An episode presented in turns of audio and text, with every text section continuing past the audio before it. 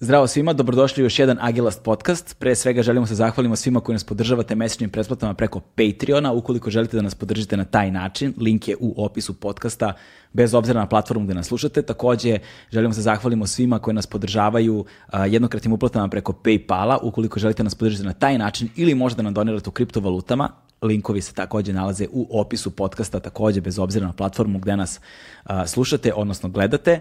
Takođe želimo se zahvalimo našim partnerima iz Red Bulla, kao i uvek hvala vam puno na podršci koju nam pružate i želimo se zahvalimo našim partnerima a, iz a, kompanije za kućnu dostavu. U pitanju je Volt, ukoliko niste upućeni a, i ne znate ko su Volt, napravite profil na sajtu i iskoristite promo kod Agilast i na prve tri poručbine ostvarujete 200 dinara popusta, to jest ukupno 600 dinara popusta.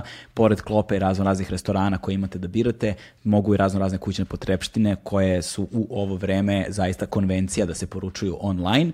I to bi bilo to što se tiče ovog servisnog dela. Sada prelazimo na to ko je naša gošća danas. Naša draga gošća danas je osoba sa kojom sam radio jedan od prvih podcast intervjua još pre nego što sam pokrenuo sobstveni podcast. Tako da je ona tehnički drugi put, ali prvi put u ovom podcastu. A, takođe, draga prijateljica, godinama se znamo. A, posljednje dve godine je imala abstinenciju što se tiče javnih nastupa pored pandemije i zbog drugih nekih pravnih problema koje je imala, pa nije bila u žiži javnosti, ali je proizvodila i radila puno. Sada se vratila sa novim singlom, najavljuje novi album, uh, napisala je nekoliko novih letnjih hitova za druge izvođače. Njeno ime je Bojana Vunturišević. Uživajte.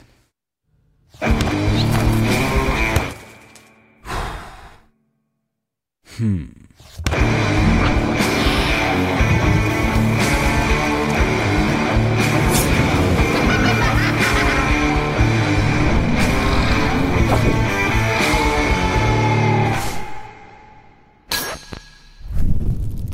Zašto čitaš komentare?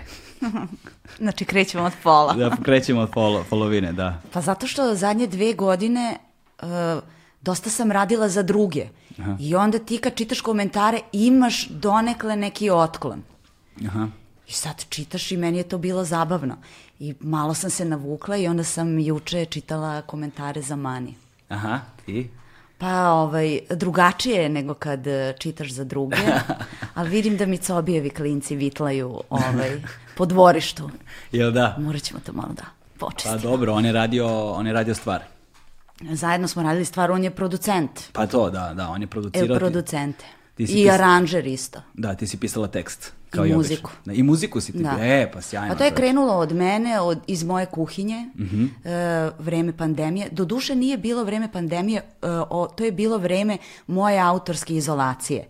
I u to vreme su izašle bukvalno je izašao ceo album, iz besa, iz nemoći, iz neke potrebe da dokažem sebi da ja mogu i dalje da radim muziku, iako sam sprečena pravno u tom trenutku. Mm. I šta mi je bilo najpotrebnije u tom trenutku? E, bile su mi potrebne pare i bile su mi potrebne neke potvrde da sam ja neka madrina, kuma, da. mene zovu iz SBB oka ili kako se već kaže, da idem da dam izjavu, jer Rexona i ja se bavimo organizovanim kriminalom i tako dalje i tako dalje. Da. E, I to me inspirisalo da napišem album koji se zove Madrina. Mm. I bio je ceo u reggae fazonu i onda sam prošlog leta odnela u Basivity album, svoj iPad, da krenemo da ga radimo i onda kad su oni čuli da je to reggae, Bojana, ajmo to kao malo drugačije da prepakujemo i sa pesmom Mani smo se baš namučili. Prvo sam je odnela kod mog Bambija. Bambi je moj dugogodišnji saradnik, producent mog prethodnog albuma. Nismo uspeli da je izvedemo do kraja. Onda smo Luxoni i ja, Luxoni je isto producent iz Basivitija, isto nismo uspeli da je izvedemo do kraja. Onda se nama priključio Cobi, Opet nismo uspeli da je izvedemo do kraja i jedan dan sam otišla u studio, bio je tamo Cobi sam i krenuli smo od Tine Turner i Jamesa Bonda. Aha, aha numere za Jamesa Bonda koje je radila. Tako je. I tako smo krenuli da pakujemo mani i onda je samo Cobi stavio taj house beat i počeo je da plače. A bukvalno je, imamo ga, imamo ga. Ali čekaj, šta je bilo, čekaj, koja je bila, aj prvo, koja je beše bila pesma Tina Turner, to Golden Eye, nije? Tako Golden Eye, dakle sa Tako Golden Eye ste zapravo počeli. Yes. Ok, šta ste uzeli, motiv, neki temu? Ne, pa, uzeli smo tu atmosferu. Atmosferu, aha, da. aha, dobro. Kao James Bond, uh, neki prelepi automobili, pištolji, To, da, to, da. svašta se rešava. A nešto. šta znači niste uspeli da izvedete do kraja? Šta, je, šta, šta ste zapravo imali i gde je bio problem? Pa imali smo, uh, uh, mani je bila duplo sporija pesma, rege pesma. Da. I bila je kao neka mantra koju smo, moja ekipa i ja na mom rođendanu, mi smo mogli sedam sati u lupu da je, ču, da je slušamo. Ali prosto u jednom trenutku kao, dobro brate, više, ajde, nismo uspeli da izvedemo do kraja da pesma traje tri minuta, a da bude interesantna, da ima početak, uh, razradu i zaključak. Da, da, da. da. Tako da smo tek bu- posle nekoliko meseci, taman se sve sleglo, dok je ovaj virus harao, neke dobre stvari su se desile, kao što je ta pesma. To. Kako si se ti snalazila za vreme pandemije, pošto tebe je ono, uh, od SBPOK-a, jel te, službe za borbu protiv organizovanog kriminala, ovaj, pa pravne obustave Da. tvog rada zapravo, jer ti nisi mogla a, ne da samo da radiš za sebe, niti da radiš za druge u suštini. Tako je, jel ništa nisam mogla da radim. Da, nisi mogla da pišeš tekstove, ni da pevaš, da daješ Ništa. prateće vokale, ništa drugo. Ništa, apsolutno ništa. Uh, ej, kako sam rešila taj problem? Tipa, rešila sam ga u ponedeljak, potpisali smo ugovore sve, rastali se sve, izljubili se, doviđenja, mi se mnogo volimo. Sutradan je proglašeno vanredno stanje. Ali sam ja već navikla tada da sam baksuz i da mi ne ide Da. i da se neke dobre stvari, verovatno da bi se desile, moraš kilo soli da pojedeš. Mhm. Rekla sam, okej. Znaš kako, ovaj, kako se kaže, noć je najmračnija pred svitanje. To si mi rekao i u prošlom podcastu. Jel jesam? e, i ovaj, pa sa, sa tobom izgleda tako ciklično idu stvari, znaš, i meni je sve vreme to negde u glavi kada, kada pričaš o tim stvarima, zato što a, ti imaš tu sposobnost, videla je ti ili ne, ali uvek ponovo pronalaziš sebe u nekakvom novom ruhu. Ali to je, to je jedino što me loži. Da. Ja sam pre ovoga dva albuma sam bacila.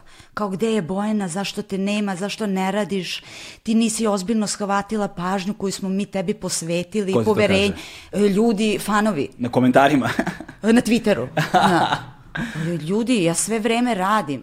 Ja sam muzičarka po obrazovanju, po opredeljenju, eh, po hobiju, po zanimanju, po svemu. I ako vi mene ne vidite na YouTube-u ili kod tebe u podcastu ili me ne čujete na radiju, to ne znači da ja ne radim. Ja sve vreme nešto tripujem, ali mi je sve vreme to što sam radila bilo dosadno. I, bila mi je, i bilo mi je copy-paste onoga što sam uradila na albumu Daljine. I onda kada se desilo sve ovo e, sa Cobijem, Rexonom, Luxonijem i sa Basivitijem, mene to mnogo čačnulo šta će to da izađe sa njima. Jer su oni sušta suprotnost od me- od mene, ali opet mi dolazimo iz istog podruma. da, da, da. To. Mi smo isto godište, Cobi i ja, 85.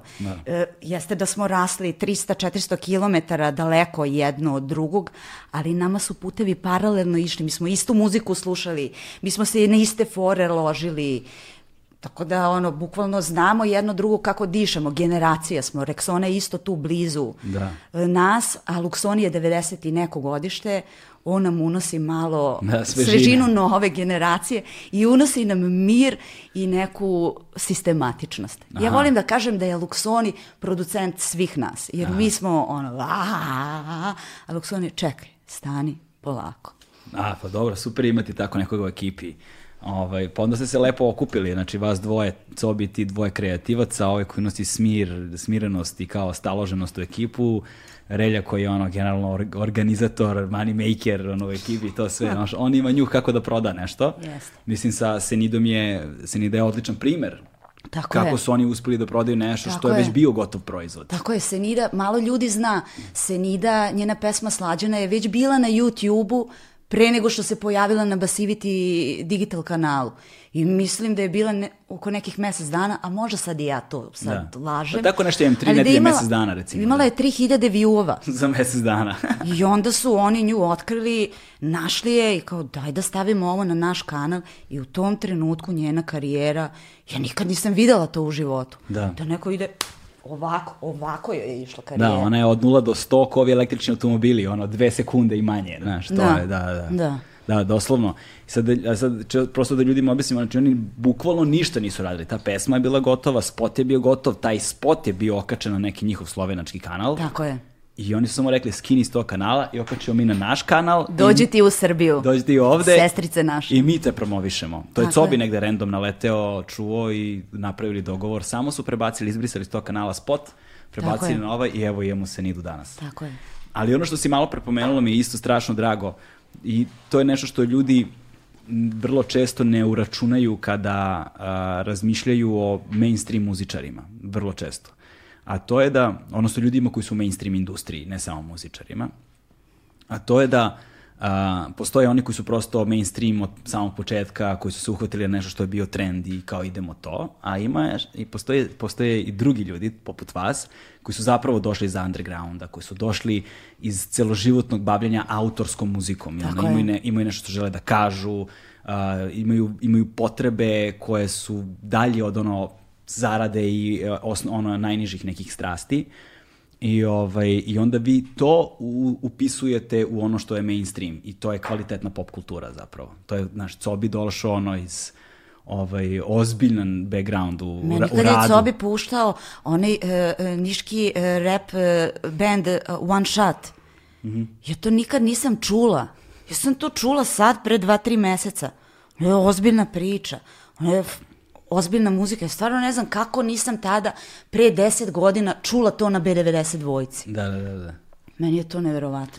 Pa, zato što postoji određeni, znaš kako, mediji se nikada nisu organizovali prem, tržišno u tom kontekstu i nikada ni, i uvek je postao sukob interesa u medijima. Znaš, svaki medij uvek ima svoju izdavačku kuću. Tako je, to, to si pričao u, u, Da. u tvom podcastu. Jeste, A da. to je ubilo e, muzičku kulturu, da tako kaže. Da, pa jeste. Zato što nikada nije bila objektivna slika popularne muzike. Pazi, One Shot, čoveče, kakva rap priča, nikad nisam čula. Da. Niti je, bo, niti je postojala niti je postojala potreba da se ne samo orijentišu tržišno, niti da traže nove izvođače, da obogaćuju i oplemenjuju ono što su već, što je već bilo, nego su da unutar jednog istog kruga ljudi se sve kretalo. I onda se kod nas ta vrsta popularnosti svodila na s kime si dobar, koga znaš, više taj socijalni kapital. I ako znaš. ti muzički urednik, e, ako ti bukira koncerte, ti ćeš biti na, Tako na je. top listi. Između ostalog. Meni da. je to strašno. Da. Baš mi je strašno. I sviđa mi se kod Basivitija što oni, on- oni non stop traže nove ljude. Non stop. To se non stop kopa po novoj muzici. Oni nisu jedni od onih ortaka koji donesi ti meni novu muziku i ti mu doneseš i to završi u kanti za smeće. Da. Tu se uvek sve posluša od A do Š. Znači, bila si prisutna u tim situacijama. Jesam. Znači, šaljete Basiviciju. Jesam, pa desilo mi se letos, uh, odem uh, na Messenger i vidim poruku od jedne devojčice koja se zove Anja i preziva ne znam nija kako.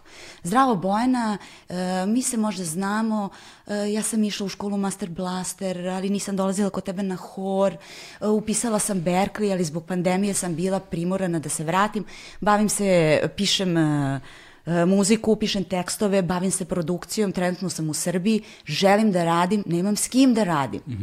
I ja joj kažem, Anja, draga, drago mi je što si se javila, trenutno sam u nekoj gužvi, hajde čućemo se kada budem slobodna. I odem posle jedno, dve, tri nedelje u studio i ona tamo sedi sa cobijem. Šta ćeš ti ovde? I njemu je pisala i on je car otvorio poruku. Da, da. Uopšte nema tu barijeru. Mm. Sobi je ozbiljna zvezda, on ne može da izađe, mi sedimo ispred doma sindikata na kafi u kafiću, on ne može da živi. Da. I sad ono, stereotipna priča je da on ne otvara poruke, on je ovakav, on je... Ne. Da, to mi je zanimljivo, ljudi koji imaju tu vrstu energije i strpljenja da se bave tim stvarima. Ja, na primjer, nemam. Ja prvi priznajem, ono, ja ne pamtim kad sam otvorio neku, otvorio neku poruku. Otvorim tu i tamo, ne, nije, nije da ne otvaram, ali to se, znaš, ako ne otvaraš redovno, recimo, dva, tri dana, Da. ne otvoriš, to se nagomila, to, to postane besmisleno, ja nemam sad kao 16 sati da otvaram te poruke, Da. razumeš? Da. Kamoli da odgovaraš svakome, i pritom na svaki mogući predlog da sad kao to uzimaš i Izađeš u- razmatraš. da. Izađeš u susret, uzmeš u razmatranje i onda da pronađeš vreme i energiju da se sad sa tim ljudima i nalaziš, da oni tebi Da. dolaze. Ok, Cobiju je to ide u opisu posla, meni nije u opisu Da. posla, on i treba da nađe nove talente, svakako gde će da ih nađe, negde mora da počne ono, ili prosto, ali kad se nađeš u poziciju koji se on nalazi, to se onda, to se sliva reke, ljudi ka tebi, znaš. Jeste. Jer, jer kako, kako je Basiviti za, definitivno su Relje Cobi u tom kontekstu postali nekakvi u pop kulturi, u tom mainstreamu zapravo nekakvi gatekeeperi. Mm -hmm. Definitivno jesu, ono, mm -hmm. sa šta, poslednjih ne znam koliko godina unazad, skoro 90% velikih letnjih hitova je izašlo iz njihove produkcije. Sad preterujem, možda nije 90%, sad ja, sad ja ono, idem do kraja, ali, ali jasno šta, šta pokušam da kažem. Znaš, ko je to broj ljudi s kojima oni komuniciraju svaki dan. Ali ti si isto tako ovaj, uh, uh, postala jedan od stubova popularne kulture, što mi je baš drago, ovaj, zato što radiš sa drugim izvođačima i ti si, ti si deo velikog broja hitova poslednjih nekoliko godina. Pa zar nije? Od Nataša Bekvalac do Senide si, ra, si pisala tekstove i radila druge stvari između ostalog. Volim da se zezam i da kažem da smo Cobi i ja načelnik i načelnica uh, Centra za rehabilitaciju karijera pevačica. Jer stvarno, na primjer, Mala plava, da. Uh, to možda nije uh, najveći hit Nataše Bekvalac u njenoj 20-godišnjoj karijeri. Ima ono, one njene pesme kao Nikotin, ponovo, to se publika stvarno seče na to, ali Mala plava je pesma koju je, na, koja je Natašu Bekvalac učinila prepoznatljivo, prepoznatljivom no, novoj generaciji klinaca. Ona rabi tu pesmu tri godine. Da.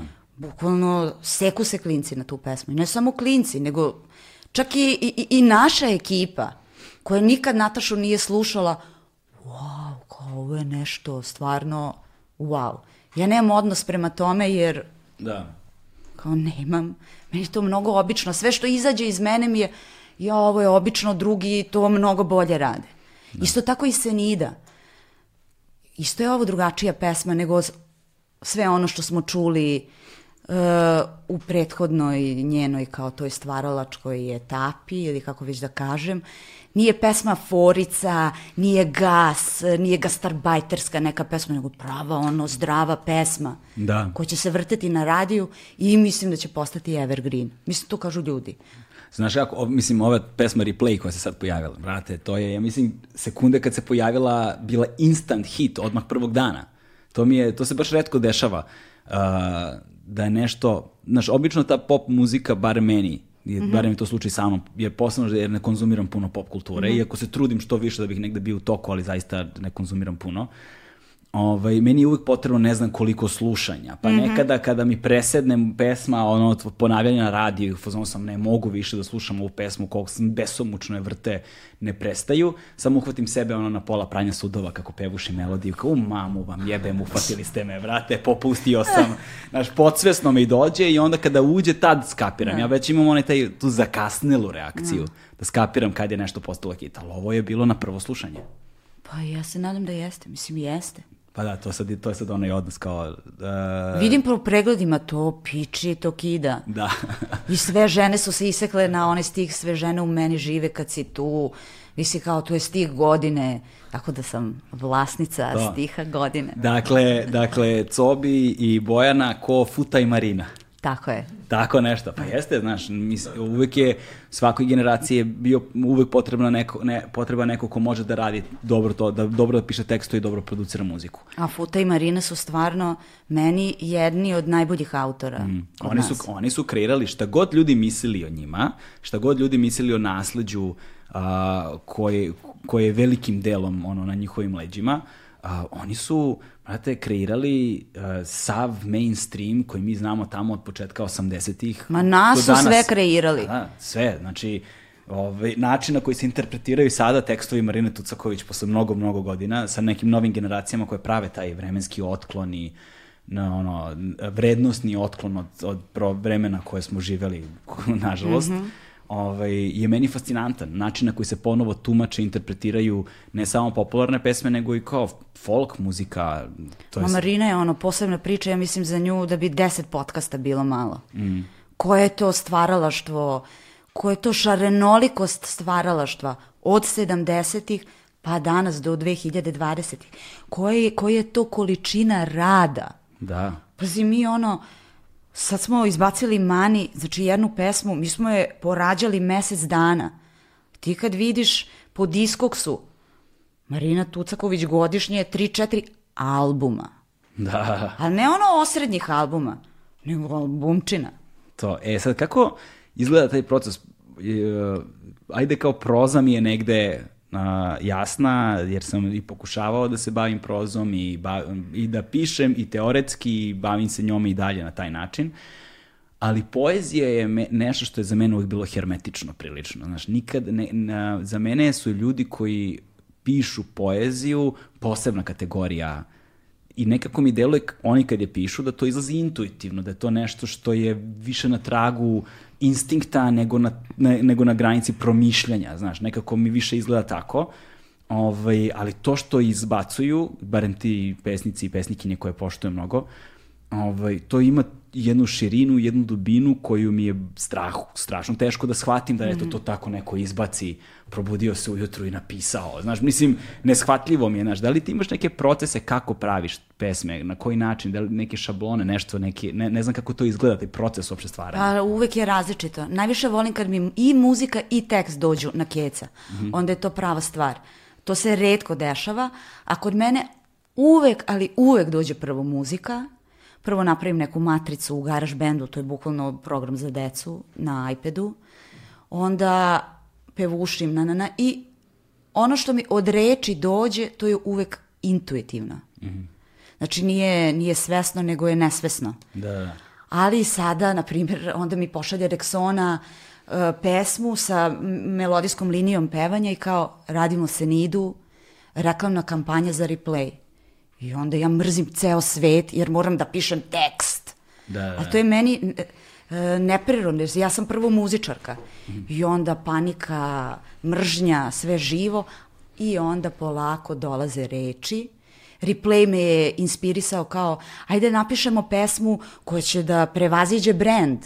Mhm. Mm A čekaj, da to je su... reklamna kampanja za brand. Mislim, ja ne, ne, ne, ne mogu da kažem da sam pomno pratio, tako da... Jeste, stvarno, da, to je... Re, to sad je... sam se malo obrukao, znaš, nisam imao pojma. Ma nema znaš. veze, da. ali to je odlično. Da, da. To je odlično jer nam je to i bio cilj.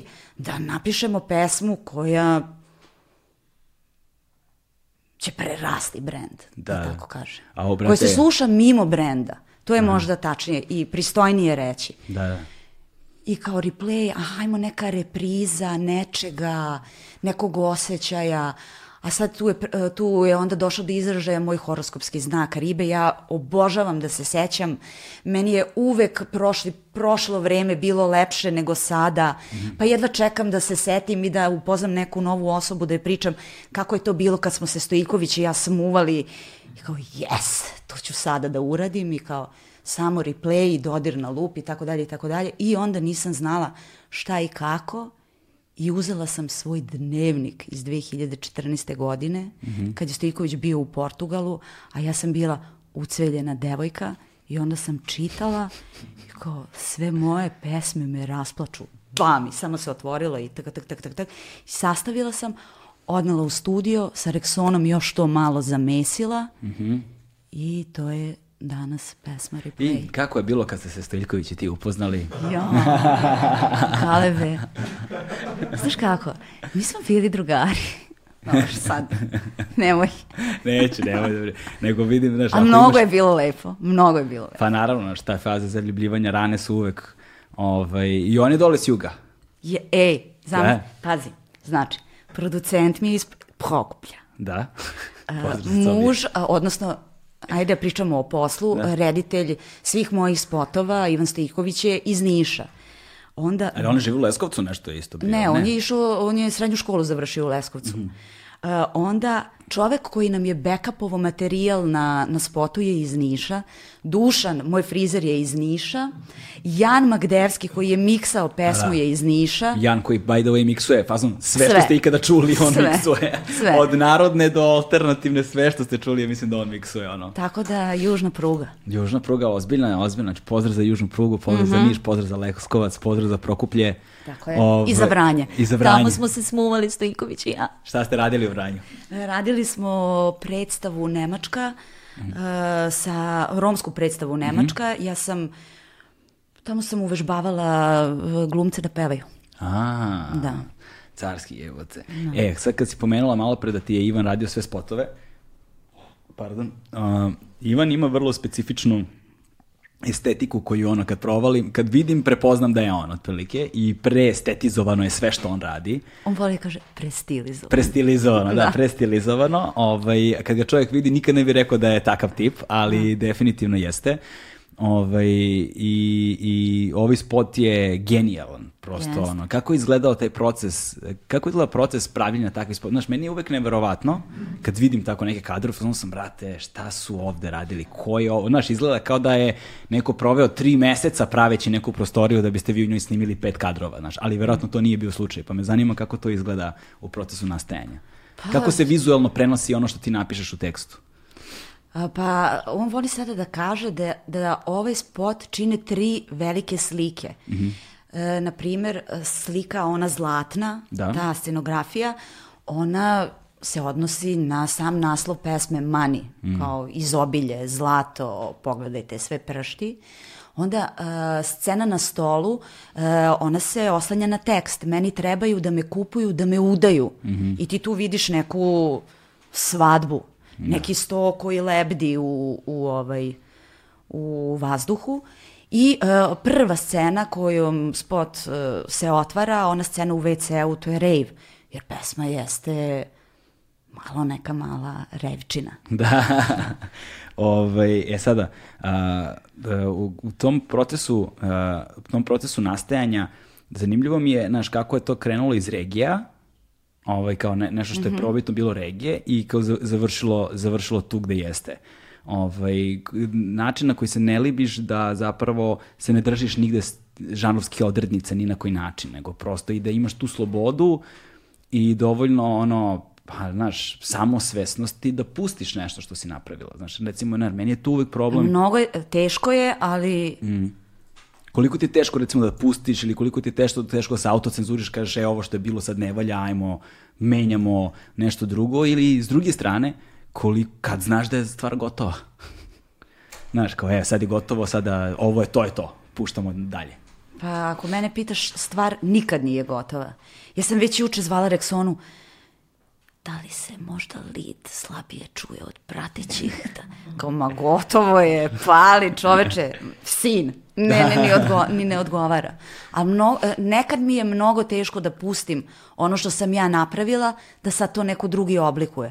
Ali prosto kad znaš s kim radiš, E, znaš koliko poverenja imaš u te ljude s kojima radiš, znaš šta sve oni su ostavili iza sebe, Da. pa pusti malo, otići će, otići će, i ako korak napred ode, mi smo uradili dobru stvar. Da, mislim, taj, taj, to poverenje, to je ono baš velika stvar, ovaj, i problem mikromanagementa, znaš, da, da im kao kaže, e, kao ja sad tebi verujem, ti radiš, ali te i ne nadgledam dok to radiš, kao, znaš, ne, ne pratim u svakom koraku i, znaš, kao ne postavljam pitanja, ne šaljem poruke, ne zovem, znaš, kao ne prepravljam svaku sitnicu, nego negde pustiš ljude i veruješ im da to mogu da urade kako Ali ja treba. volim i mene da puste kad, Da. kad mene neko angažuje da radim nešto.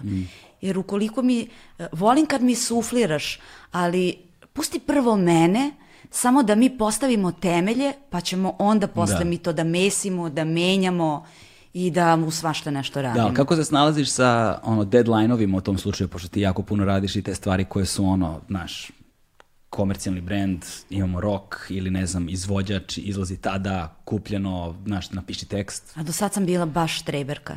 jel da? Baš sam bila štreberka i sve, sve sam dostavila čak i pre isteka roka, ali vidiš za sebe daj da vidimo šta ima ta senida još da joj se piše nešto. Dakle, obućar uvek nosi pohabanu obuću, Jest. tako ljudi kažu, da. Za sve druge može, ali za sebe najteže. Ali nema veze, opet tu si, kada ti izlazi album? Pa album želim da mi izađe ove godine. E, mislim da imamo jako dobru stvar, a samo moram da se izborim sa njima. Da neke pesme ipak zadržim za sebe, jer mislim da kad, kad ih ja iznesem, da će to postati istorija, a da kad ih neko drugo iznese, da to neće biti tako jak udarac. Da, a znači nemaš problema sa samopouzdanjem u tom kontekstu. Pa a nisam sad pretenciozna i prepotentna. Ja sam surova i realna. Da, da, da. Pa dobro, sad Surreal. Već, da, sad, im, sad već imaš ovaj, uh, sad, sad već imaš dovoljno ono CV za sebe da možeš tako nešto da kažeš, znaš, ono kao prosto ovaj, tvoja dela govore više od, znaš, nije potrebno ni da se ti oglašavaš mnogo vej sa time. E sada, uh, uh, ko, koliki procenat albuma je gotov? Pošto si rekla da si uradila to, ton, tonu pesama, da si ih bacala i radila ponovo. Pa sve je gotovo, samo što uh, sve je gotovo, od ono, melodija i tekstova, mm. pesme, ono, strofa, refren, strofa, refren, CD-o ili šta već je tu od forme, samo što za neke pesme mi još uvek nismo našli odgovarajuće odelo. Mm. Aranžman. I onda Cobi i Luksonica to pakuju, menjaju. Ja bih, nas, ja bih svaki uzela. Da. Ali oni prosto nisu sigurni šta je najbolje i puštam ih da, Da. da nađu najbolju odevnu kombinaciju Ono što, meni bilo, ono što meni je bilo zanimljivo kad sam radio dokumentarni film sa njima jeste, uh, jer smo tada puno pričali o tom poslovnom principu njihovom koji je zapravo lansirao Basivity, a to je ta takozvana katalo, kataloška prodaja muzike. I ovaj, kada su mi govorili o kataloškoj prodaji muzike, muzike, oni su meni to otprilike ovako objasnili.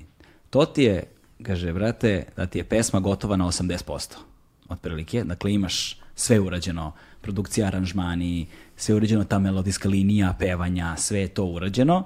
Ovaj, I onda imaš ne znam koliko, ne znam, 200 pesama, na primjer, gotovo, otprilike to na 80-90%, i onda kada ti neko dođe, ti im prodaješ te pesme i onda se tekstovi pišu a, u, u zavisnosti od toga ko je kupio pesmu i na koji način će da je radi. Zna. Ovaj, I meni je to fascinantno bilo sad kako izgleda taj proces. Ko, ko radi te melodijske linije pevanja? Kao, uh, kod mene to ja radim.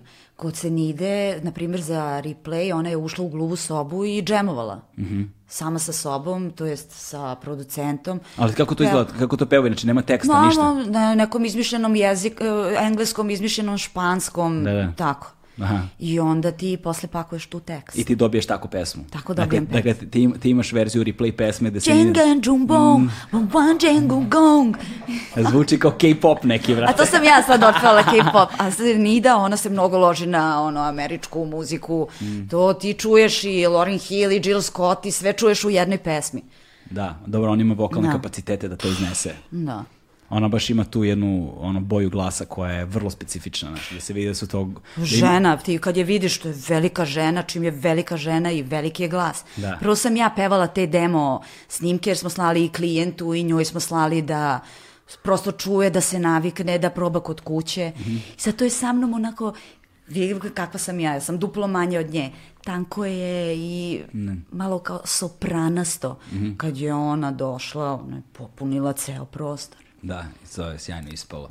Ovaj, sada, s druge strane, ti, ne, znaš, koliko ti vremena trošiš dnevno radići te stvari?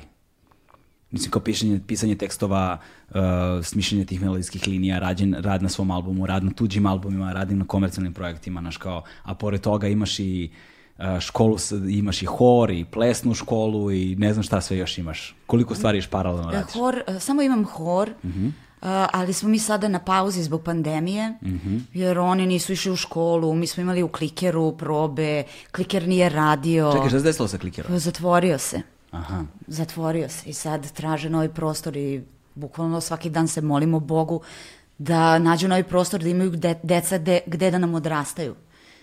Što smo pričali? Pa pričali smo o tome odakle ti vreme Odakle mi vreme? za sve te stvari. Aj, ja nemam sad fiksno radno vreme, aha, ja ću sada da ustanem u 8 i od 9 do 5 ću da pišem tekst, muziku ili ne znam ja za koga i za sebe nešto da radim. Bukvalno to dolazi, ajde u studio, e, imamo ovo da, sve dolazi u naletu i prilično je haotično. Možda bi bilo bolje da je malo sistematičnije, da se time bavimo baš ono od 8 do 4. Ali nije tako, mnogo je haotično. I kad ne radim, ja non stop mislim na to. Ne mogu da odem na odmor, da se odmorim. Meni je non stop ovdje, jo, kako da rešimo ovo? Šta je ovo da probamo onako? Non stop sam u mislima. Tako da nemam radno vreme, a radim 24 kroz 7. A koji, koji ti je projekat onda u, tom kontekstu bio najteže da realizuješ? Znaš, da, da, li, da li svaki put moraš se povežeš sa numerama koje radiš, sa pesmama, sa tim projektima ili ono, ili ti je to negde kao šljaka, kao sednem i sad, aha, ovo je i od, odradiš. A moram da se povežem. Da, da. I koliko ti, jel ti de, se dešava nekada da, ono, ako si profesionalac, radiš sa najrazličitim, ono, stilovima, e, da li, ti, da li si nekada imala prepreku ono kao, wow, jebote, sad će ovo biti baš izazov da se povežem sa ovim ili kao ne komunicira sa tobom? Imala sam.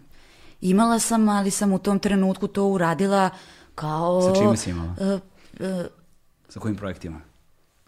Nešto što sam radila, nebitno. Aha, okej. Okay. Uh, to sam uradila kao došla si na čas srpskog i imaš pismeni iz, -hmm. iz uh, srpskog jezika, slobodna tema, ba, baš kao za, onako zanatski. Da. A meni, ja sam srećna i kad zanatski to sprovedem do kraja.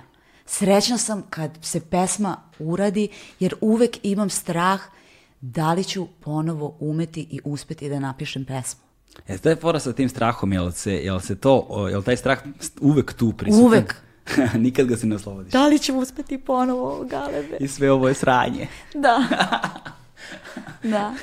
I sve ovo sranje, ništa ne valja i uvek, i onda iznova te sumnje i kao svaki put po, pobeđuješ ono, bo, svaki put borba sa sobom, da. a? Svaki, svaki put. I mislim da neću umeti, da ja ništa ne znam i da su svi bolji od mene i onda se desi da. neka nova pesma I ja sam u fazonu, ma ovo ne mora ni da izađe, nikad ne mora niko da čuje, mi smo uspeli da napravimo da, da, pesmu. To je meni najveći uspeh. Kad mi uspemo pesmu da izvedemo do kraja i da je pesma smislena. Da, to ostvarenje, ono, finalizovanje projekata, ima nečega, ono, fundamentalno ljudskog u tome da si nešto završio. Šta da. god daje, šta god daje, nego prosto eto nije ostalo nezavršeno, završila si kao to pogledali za tebe i kao... Najbolja pesma je, kažu, završena pesma.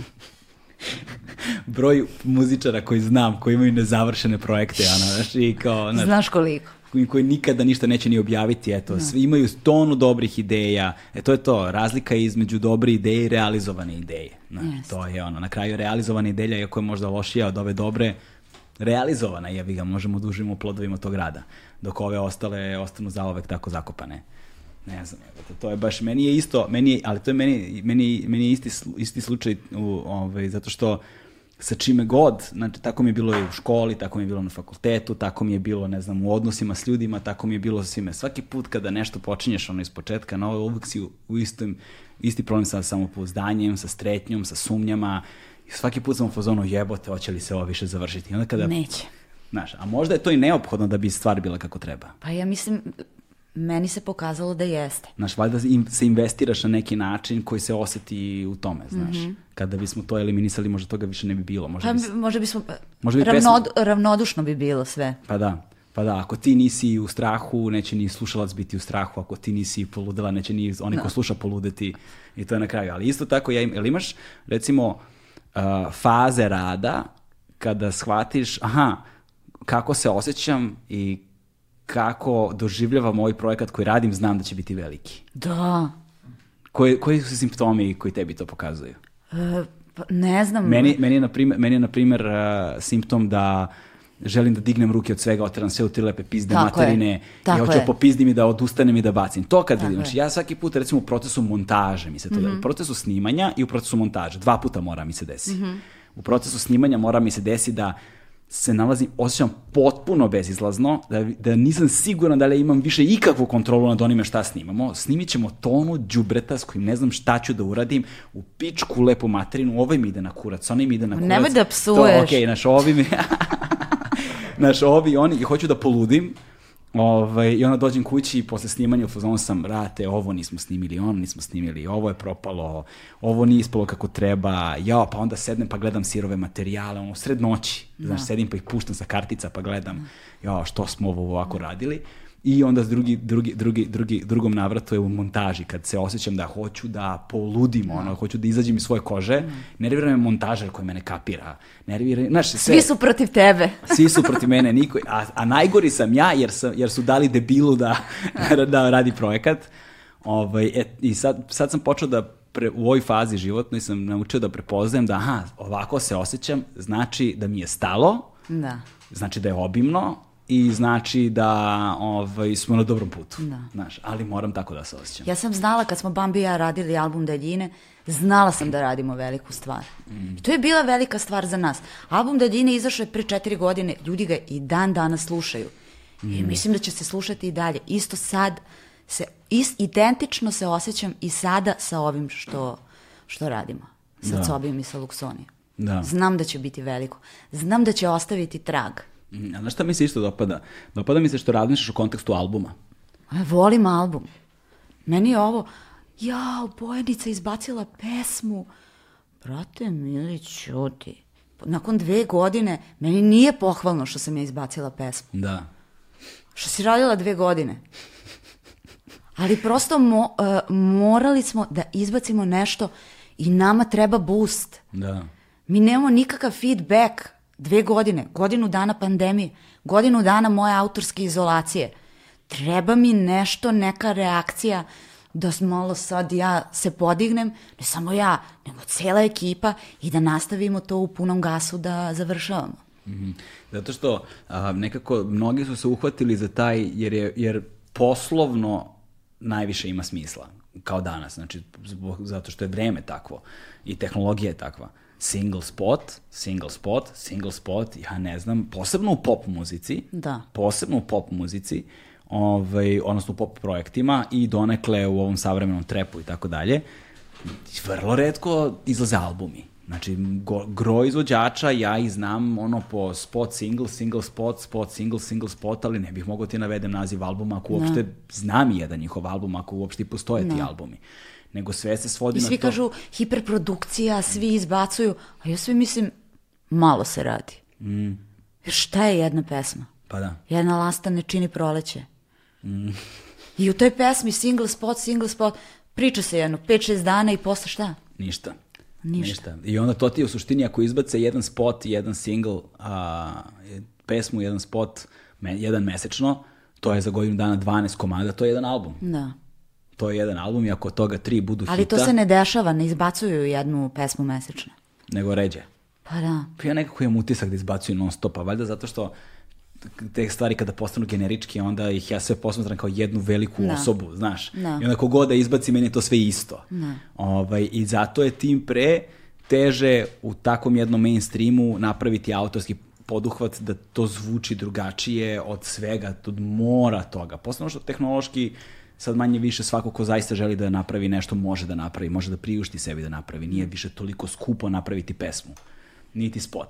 A ukoliko imaš dobru ideju i malo talenta i dovoljno se potrudiš, jebi ga. Ja. Gladbe, nemoj da pričaš da nije skupo napraviti spot. A ovo je tvoj spot, brate. će nas upucati u glavu, ali nije. I ti kad gledaš, uh, pazi, njemu dođu ljudi se, vidi ovaj spot, to su oni snimali na ulici, vidi, to mi možemo za 500 evra. A prosto on se razume u to i, i vidi šta sve stoji iza te slike. Da. Koliko je ljudi iza te slike. Jesmo mi Koliko na... je ljudi bilo na spotu? Ovde kod mene, mnogo. Mnogo. Šta znači mnogo? Pa mnogo nas je bilo. Ja ne znam, sigurno nas je bilo 30, 40, 50, ne znam. To je ogroman spot za mene, ja sam bila u šoku. I rekla sam Stojkoviću, brate, molim, te, ajde se vratimo mi na ono naše crevo, voda i imam u, u osjećaj e, prisnosti i da nešto radimo. Ovo je bilo kao na pokretnoj traci. Bam, bam, bam, bam, bam, bam, bam. A nisam navikla tako da radim. Pa znaš kako, pa da, ali za ono što ti radiš i ono što ti hoćeš da postigneš, ovaj, takva vrsta produkcije je negde nužna, znaš, ali opet nije ni takva vrsta produkcije za nekoga ko nema ni iskustva rada u tolikoj produkciji, ko nema nekakvu kilometražu na, u industriji da. Da. prosto može da iznese tako nešto. Da. Znaš, s druge strane, je, znamo drugare koje smo evo, snimali skoro, ovaj Dogs in Kavala, znaš, oni su radili spot neki ono, mobilnim telefonom i to je to, ali je konceptualno to ide uz ono što oni rade, način na koji rade, muziku koju prave i onda je ovo leglo savršeno. Njima dati tu vrstu produkcije ne bi izašlo na dobro. Jeste. Znaš, opet to mora da bude Jeste. odnos te forme i sadržine. Jeste. Onoga što ti praviš i onoga kako ćemo vizualno da reprezentujemo to što ti praviš, znaš. Tako da i to je nekakav razvojni put i dotle moralo se stigne. Nije, Jeste. nije ni Basivity ima ove spotove koje imaju danas pre 10-15 Tako godina. je. Sve, sve stvari su izgledale potpuno drugačije. Znaš, ali opet, negde, ovaj, kažem, to, smo, to, sam, to sam im pominjao malo pre bio, super mi je to kako postoje izvođači koji dolaze iz tog nekog undergrounda, ali koji plivaju u mainstreamu, znaš, i onda recimo ka, kada bih sada na, našao, znaš, ti si tu vrlo jedinstvena po stvarima koje radiš, ako bih mogao da nađem nekakav pandan, ko bi to bio ko radi slične stvari, znaš, sad ne znam, nije baš slično na primjer, pada mi ova na pamet ova Slovenka, Slovenka, Kukla Keserović. Kukla, da, da. Kuklica. Znaš, ona, njena muzika je strašno zanimljiva, Jeste. a uopšte nije mainstream, Tako daleko je. je od mainstreama, ali ona isto radi sa komercijalnim izvođačima. Jeste. Ona radi... Kukla radi spotove, ona je prvo rediteljka, pa je da, posle muzičarka. Ali njen album je jako interesantan. Da, da. I imamo slične te muzičke afinitete, volimo mnogo da se igramo uh, sa etnom našeg podneblja. Mm -hmm. Ona i u muzičkom i u tom vizualnom segmentu, ja samo u muzičkom. Da, ali s druge strane, mislim, da li ona onaj letnji hit Dina Merlina, na primjer, ona radila, režirala, ali tako ona nešto? Ne, da, oba, da. oba spota Dina Merlina je ona režirala. Da. I ove se Nidine najbolje spotove je radila Kukla. Jeste, a? Da, da. vidiš, nisam Mišiće je radila Kukla. Da, a, ali onda dođe na koncert u KC Grad i ono, bude, imaš, to, je, to, sam, to sam primetio, ima tih muzičara koji su muzičari koje vole drugi muzičari i imaš muzičare koje voli široka publika. I ja sam jedna od tih koje vole muzičari. Da. Mislim da nikad neću stići do te široke... Zašto narodne... tako misliš? Pa ne znam. Mislim da neću. Da. Šta misliš, u čemu je fora zašto postoje muzičari koje vole drugi muzičari i kao muzičari koje voli zapravo publika? U čemu je razlika? Pa zato što e, muzičari koje vole drugi muzičari inspirišu te muzičare. Mm -hmm. Verovatno postavljaju neke nove, neke nove standarde. A ti da bi se dopao širokoj narodnoj masi, ne znam, nemam pojma. Da znaš, znam... Da, da, znaš, to je verovatno razlika između onoga što ljudi nazivaju jednostavno i banalno. Dakle, stvari moraju da budu jednostavne, ali ono što je jednostavno nije uvek banalno.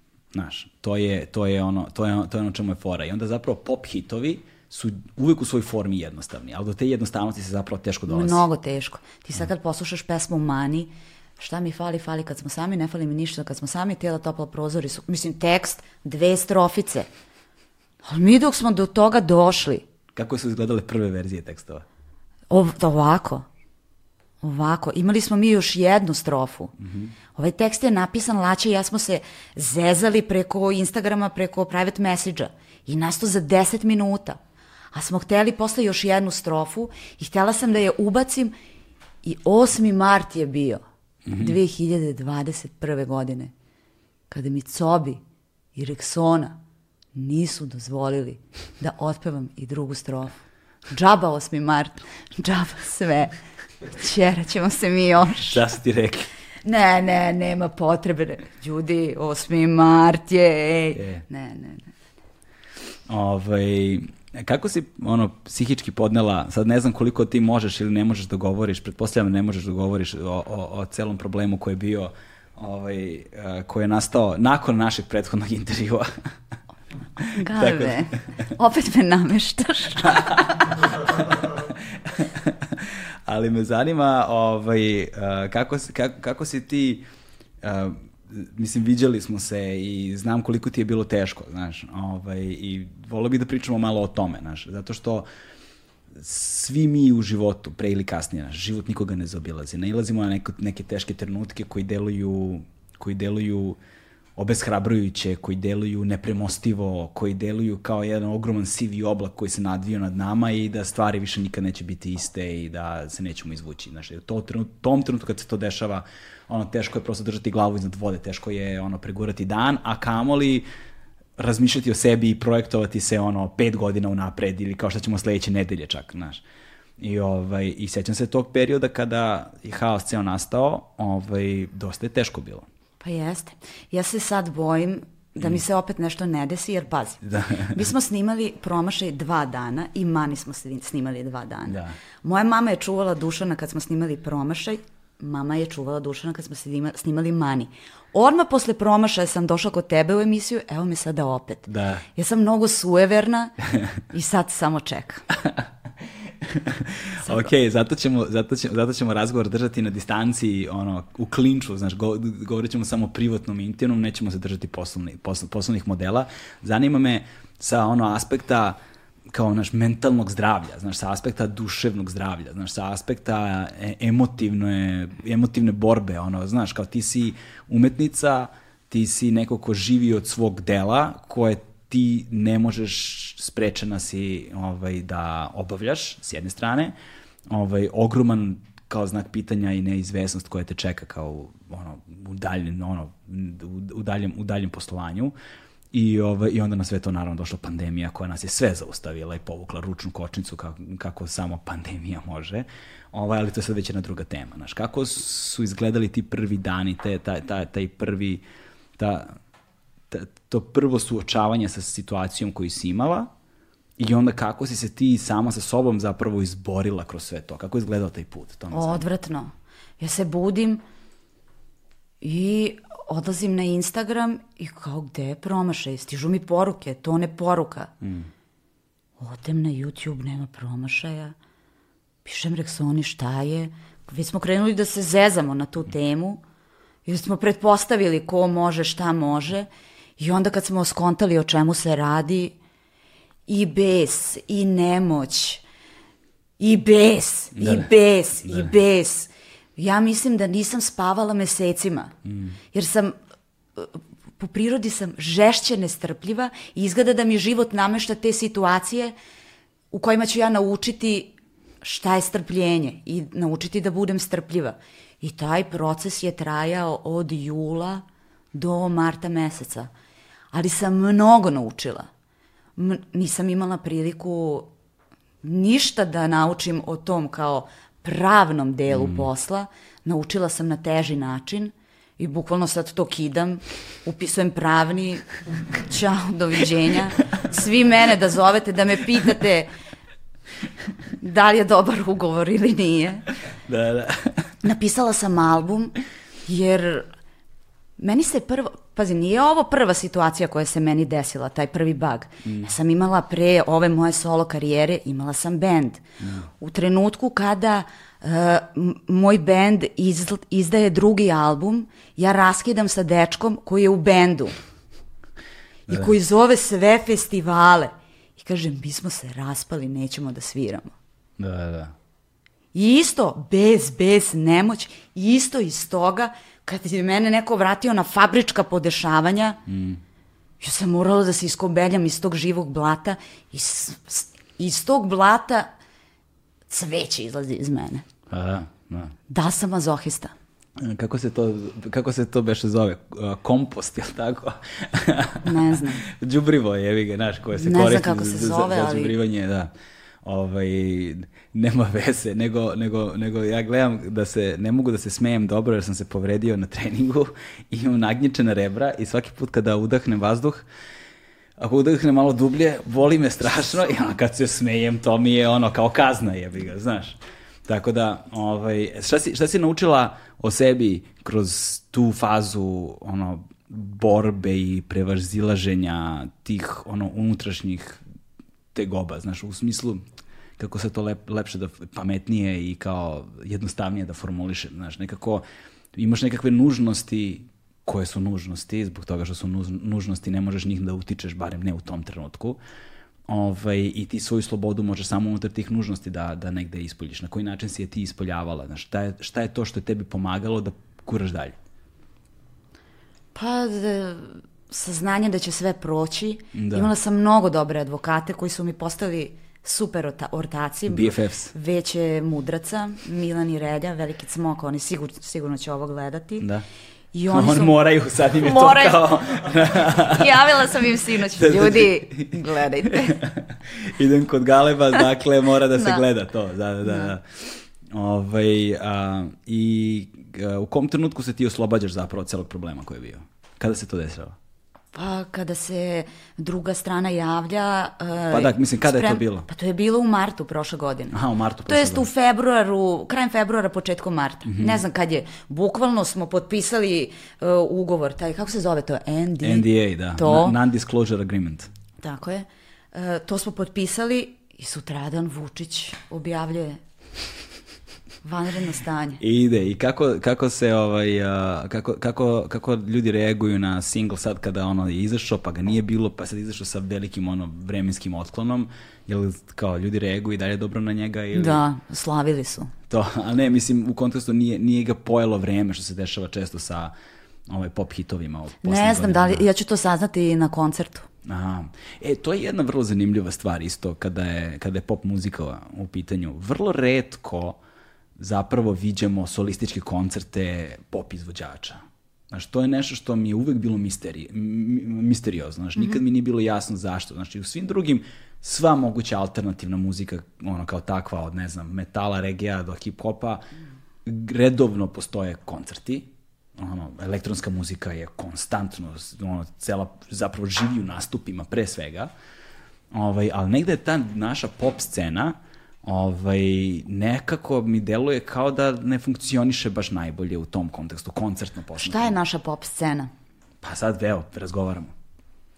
Pa, ako pričamo o meni, ja sam imala solističke koncerte. Dobro, da. I kad sam bila i deo benda i nakon toga, ali sada nemam zato što nemam album. Da, da, da, Šta da, ja da ponavljam? Jasno, da. Ono što sam odsvirala pre dve godine. Ali, Galebe, onda dolazi drugo pitanje. Gde da imam solistički koncert? Imamo KC Grad, imamo uh, ovaj, Elektropionir, To su možda mali prostori, sada. Imala sam u domu omladine pre 2018. Ali čini mi se da ni dom omladine ljudi više ne prepoznaju kao koncertni prostor. Pa da, Dom omladine je izgubio ono omladine u svom domu omladine. Znaš, Odav, odavno još od svog renoviranja tamo i nisu nikada uspeli da vrate u potpunosti tu publiku, ali to je malo sad naš istaj, ono, birokratsko, državni, gradski, šta ti ja znam, tu postoji mnogo problema drugog tipa. Mislim, radio sam tamo, pa znam. Ali, ovaj, ali da, postoji problem koncertnih prostora, posebno za koncerte negde tih srednjih veličina i malo većih, ono, znači, ne, znači svi koncerti koji nisu ono arene, stadion i to, znači za manje koncerte ti imaš problem realno koncertnog prostora. Znači dom omladine, da ona velika sala dole mogla da primi do 1500 ljudi pre Da, nego ali što ona je su- sad sedeća. sedeća, da, pre nego što su zakucali stolice tamo. Kad je lepo vreme, velika bašta sa KC-a može primi oko 1000 ljudi. I to je otprilike to. Sad ja ne znam šta još ima, naš, onaj expo kad se priuredio, tamo je zvuk sranje, Da. znaš, tako da nemam pojma. Bio je i, i Božidarac Velika gore. sala sa KC je bila, koja je uvek umela užasan zvuk. Ne znam. Znaš, ne znam kakav je zvuk u Božidaru. Imali smo im, isto loš zvuk. Da. Jako loš zvuk. Nisu to zapravo koncertni prostori, to je problem. Tako i Dorčev plac se isto nešto otvara za koncerte, ali tamo je očajan zvuk. Da, mislim, Ljudi cela- hoće prave koncerte, a zvuk im je očajan. Pa da, mislim, tamo je cijela jedna strana staklena, znaš, mislim, to za početak. Da. Evo, Marko će ti reći kako, kako se zvuk ponaša kada od, o, se odbije od staklene zidove, ono. To ni na šta ne liči. Staklenje. Stakle. Tako je meni na sajmu uvek bilo. Tako da, znaš, a opet negde gra, Beograd je grad od ono, oko 2 miliona stanovnika, više nemam pojma, milion i po, dva i po, svašta ljudi pričaju, ali u svakom slučaju veliki grad i nemamo koncertni prostor. Dobar koncertni Dragstor je dobar koncertni prostor. Da. Mi Mercedes tamo šuri, jednom godišnje sigurno. Ona Da. Mm. tamo pravi nastupe. Ali to su Matrica i MC. Ne znam kako bi bilo sa bendom. Da. Kako izgleda tvoj bend? Nemam više bend. Mislim, e, nastupala sam od 2017. do sad smo nastupali kao trio MKDSL, Bambi i ja. MKDSL, one njegove ritam mašine, sampleri, kako se već... To, da, Ma da. svašta, neke pedale, neka čuda. To samo on zna čemu služi, a nekad ni on ne zna. Nekad ni on ne zna, da. Ovaj, Bambi svira bas, na nekoj pesmi uzme gitaru, ali sada bih želela malo da se vratim u prošlost i da oformim band. Imamo bend za tebe. Imamo mi muzičare za tebe. Daj da napravimo neki session. Slušaj, Slušam. da se dogovorimo sada. Ajde. Kad bude izašao album, pravimo session sa bendom. Znači, ne može samo prti BG, moram i ja. Može, dogovoreno. Sa bendom i dovodimo sve. Ima, imat ćemo duvačku sekciju, imat ćemo Mhm. ono, ritam sekciju, imat ćemo, možda bismo mogli neke perkusije da ubacimo. Može, može, zvaćemo Feđu Franklina. Znaš šta mene zanima? Mene zanima kako bi, kako bi, ovaj, kako bi sad ove no, moderni aranžmani tvoji, posebno i pop, izgledali kada bi se oni prepakovali u, za live svirku. Pa pustimo loko. Da, da, da. U, to bi bio dobar koncept, a? Da imaš Kako band ne? kao Moloko što ima. Bože, da. Da, to bi bilo... Bože, molim ti se. Da, i live, i plesno, i baš ono, znaš, da, da kada bi to mogla da iznese, što je bilo sjajno. Mnogo mi je žao što nisam bila na Exitu, na Moloku. Da, ja sam bio, tad je bio ni koncert Rošin. Kon, Rođendan. Rođendan koncert. Da. Šta sam je rekao? Koncert Koncert, da. Tad je bio A ona je rođendan. sad je pre neki dan je tweetovala o tom koncertu, kao Jel da, da? je to jedan od najboljih koncerta Ja u mislim, a životu. ja mislim da je to kada je njen rođendan bio da je ta, to, to isto veče umro Barry White. Mislim da je to, koliko se ja sećam, znam da sam imao neko šizofreno osjećanje, kao umro Barry White i kao sjajan koncert Moloko i kao ovo je rođendan, ovo je umro. Mislim, po, proverit će ljudi, sad ne mogu na pamet da znam, ali mislim da isto veče se to desilo na njen rođendan. Da je umro Barry White i da je to kao, ili je možda umro nešto ranije, ali je ta vest stigla do nas. Ovaj, ali znaš šta je drugi problem sa time? A, jeste, ko će ti plati, brate, taj nastup? Pa, za, za veliki, kad je ne- neki veliki koncert, ja ću da platim. Da, Nije mi žao. da, Stvarno, treba ulagati u svoju karijeru. jeste. I kad imaš veliki koncert, zašto da ne bude i veliki bend sa tobom Mhm. na bini? A ovako kad idemo na nešto tako festivalski, kad je nešto manje, onda može i matrica i, i, i glas. Da, ali ja sam nekako uvek u fazonu, znaš, ok, mislim, razumem sve to odnos posla i, i, i ljubavi, pa opet nas treba napraviti lovu, treba nastupati, mali je broj prostora koji mogu da prime tolike muzičare, mali je broj promotera i organizatora koji mogu da plate sve te muzičare i pritom produkcijski odvući svu tu opremu, postaviti se, napraviti tonsku probu, Jasno. znaš, osvetliti ceo prostor, znači dovoljno veliku binu za početak i da to sve ima smisla, ovaj, opet ovde u srpskim uslovima, znaš, ne znam ni kakva je situacija na, po bivšoj jugi, ali nema Pa puno pazi, takvih mi prostora. svi na pod je bio sekstet. Da. Znači, nas je bilo šestoro, mi smo svirali od e, Kino Šiške u Ljubljani do Arene u Beogradu, Mm. Modesti Blaze kluba u Gornjem Milanovcu, stadion malih sportova u Podgorici. Znači, svašta smo mi svirali. Modesti Blaze u Gornjem Milanovcu više ne postoji. Ne ali postoji, smo, ne da, postoji ni svi na pod. Ne postoji ni svi na Da. poda, Kino Šiška postoji do duše.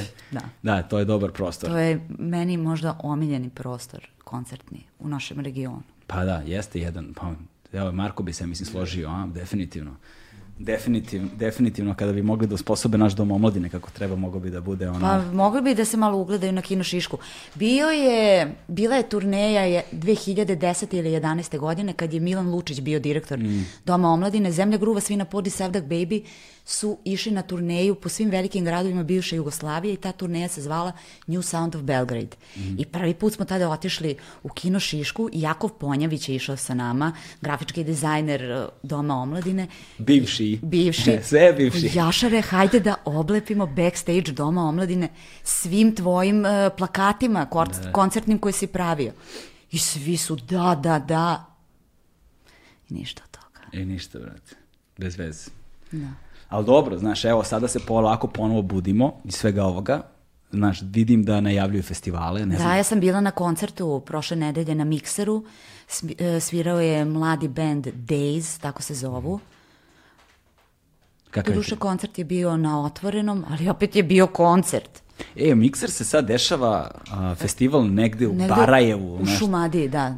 Da, kuća Ne. Zornića, da, Ne, u Barajevu. Barajevu, pa u Da. Šumadiji. znaš, da. Ali ti, pazi, mo- e, ja imam baba tetku iz Barajeva i ona je uvek pričala da je iz Beograda. Da, da. Mi smo se do tog Beograda, sine, vozili sati nešto. Jeste. Zato ja kažem u Šumadiji. Onda sam i ja, mi svi kostolčani smo Beograđani, čoveče. Jeste, je, evo te, da, čoveče, baš sam, ne, ne, nešto sam, nešto sam radio skoro i onda sam baš išao tu zvonicu kuću, lepo imanje, veliko Mnogo je imanje. lepo. Od predaleko u pizdu Jeste, materinu, jeste, opet. jeste. ok, izvini, molim te, neću psovati više. Jutro sam, kad sam se povredio, psovao i sad mi je to ostalo, osta, ostao Znaš, da, mehanizam. zato što će, ovo će sigurno gledati i moja deca sa hor. A, ja, da, da, izvinite. Znaš ti da sam ja Branko Kockica, Da, da, nove da. generacije. Branka Kockica. Branka Kockica. Branka Kockileta. Da. Da, kako, s koliko dece radiš? Koliko dugo to radiš zapravo? E, radim, hor radim od 2014. godine i do pandemije sam ih imala 50 Uje. Imala sam dve grupe, pčelice i šizike. Pčelice su um, mlađa grupa od, pa čak sam imala i dvogodišnjakinju, od dve do šest godina, a šizike su ove, Da. od šest do deset, 11 maks, čim upišu peti razred, beže, jer mnogo im je to kao. Dečije. Kakav je iskustvo ono rada sa decom kao ovaj pošto ja sam u fazonu baš gledam ono kako nama mala idu vrtići to ja sam ja sam u fazonu brate kada bi svi vaspitači i vaspitačice u vrtićima imali milion eura mesečnu platu, ne Bilo bi im- malo. Bilo bi malo. Ja ne bih imao nikakav problem. Koliko god da imaju sve iz, budžeta, iz budžeta, sve može, brate, sve. Znači nikakav problem ne bih imao. Posao koji oni rade je neverovatan posao. I Jeste. energija koja je potrebna za rad sa Pogotovo, decom. pogotovo taj uzrast. To vrtićki uzrast. Brate, znači, duboki naklon, kapa dole, Jeste. šta god. Beneficirani radni staž, Sve. nacionalna penzija, sve. Sve bi im dao, bre. Sve bi im dao. Kuću bi im prepisao, razumeš? Šta god, sve, brate. Stvarno, Ali, ali čast- pedagozima i treba sve da se da. A, da. Jer tu sve počinje. I zato mislim da je nama odvratno i grozno. Mm. Zato što nam obrazovni sistem nam je baš nekako malo... Kako, kako, Škripi. kako ti funkcionišeš sa decom? Kako izgleda tvoj rad sa decom? Znaš, kao ono, gde pronalaziš energiju i kao to, kao strpljenje rada sa decom? Pa volim decu, meni je to genetika. Moja baba je bila čistačica u vrtiću i sva deca su je volela više nego vaspitačice svoje. I mnogo volim decu i regenerišu me i uče me i stalno se ponavljam kad pričam o njima. Ali ja zaista sam naučila da komuniciram sa odraslim ljudima preko dece. Jer ti kad radiš sa decom, čas mora ti bude sistematičan, uvodni deo, razredni, zaključni, od bliže ka daljem, od poznatog ka nepoznatom i onda ti vežbaš, ne možeš eksplozivno nešto da im kažeš, sve mora da ti bude promišljeno. A ja nisam takva bila kao osoba. Tako da sam se tu, e, dosta sam se išlifovala za dalji život. Na koji način si to uspela da prebaciš posle recimo posao u komunikaciji sa ljudima? Ali imaš neka moment svesno kao aha, sad s ovom osobom treba kao sa detetom i kao komuniciraš na taj način? Pa, samo, samo su mi deca probudila to kao, ej, pa ne mogu ja sa svakim da razgovaram histerično, e, drsko, pa ne znamo se mi sto godina. Da. Samo su, prevaspitala su me deca. Da. E sad, o, o, jedna stvar koju, je, koju sam skapirao isto da, a, koji se, koliko god da se ponavlja, kao papagaji da ponavljamo u krug, a da i dalje ne razumeju muzičari negde, jeste taj moment da, o, da, da bi odživeo od muzike koju radiš, ti u jednom trenutku tu muziku, odnosno taj posao moraš da doživiš kao posao. Posao. Znači kao profesionalni, profesionalni odnos prema tome i da radiš na taj način. Ono. O, u kom trenutku si ti skapirala da je ono muzika posao? Pa u trenutku kad sam se zaposlila u jednoj gimnaziji kao profesorka muzičkog i tad sam dobila tinejdžerski uzrast koji su me pojeli za pet minuta i ja sam tada... Kako shva- misliš pojeli? Pa pojeli su me, metaforički rečeno. Mm, ja sam bila manja od njih. Još kad su otkrili da pevam u bendu, pa smo tada mi izbacili spot Barakuda koji je sav šaren. E, Ja sam pokrivena bananama. Prate, to je bio haos na času i samo sam skontala ja ovo ne želim Da. Ne želim da me neki roditelji, to je bila privatna, privatna gimnazija, tu roditelj do tebe može da dođe ovako, Da. e, da ti drži predavanje zašto ti nisi primio njegovo dete u hor, a njegovo dete je bio član UMS-a.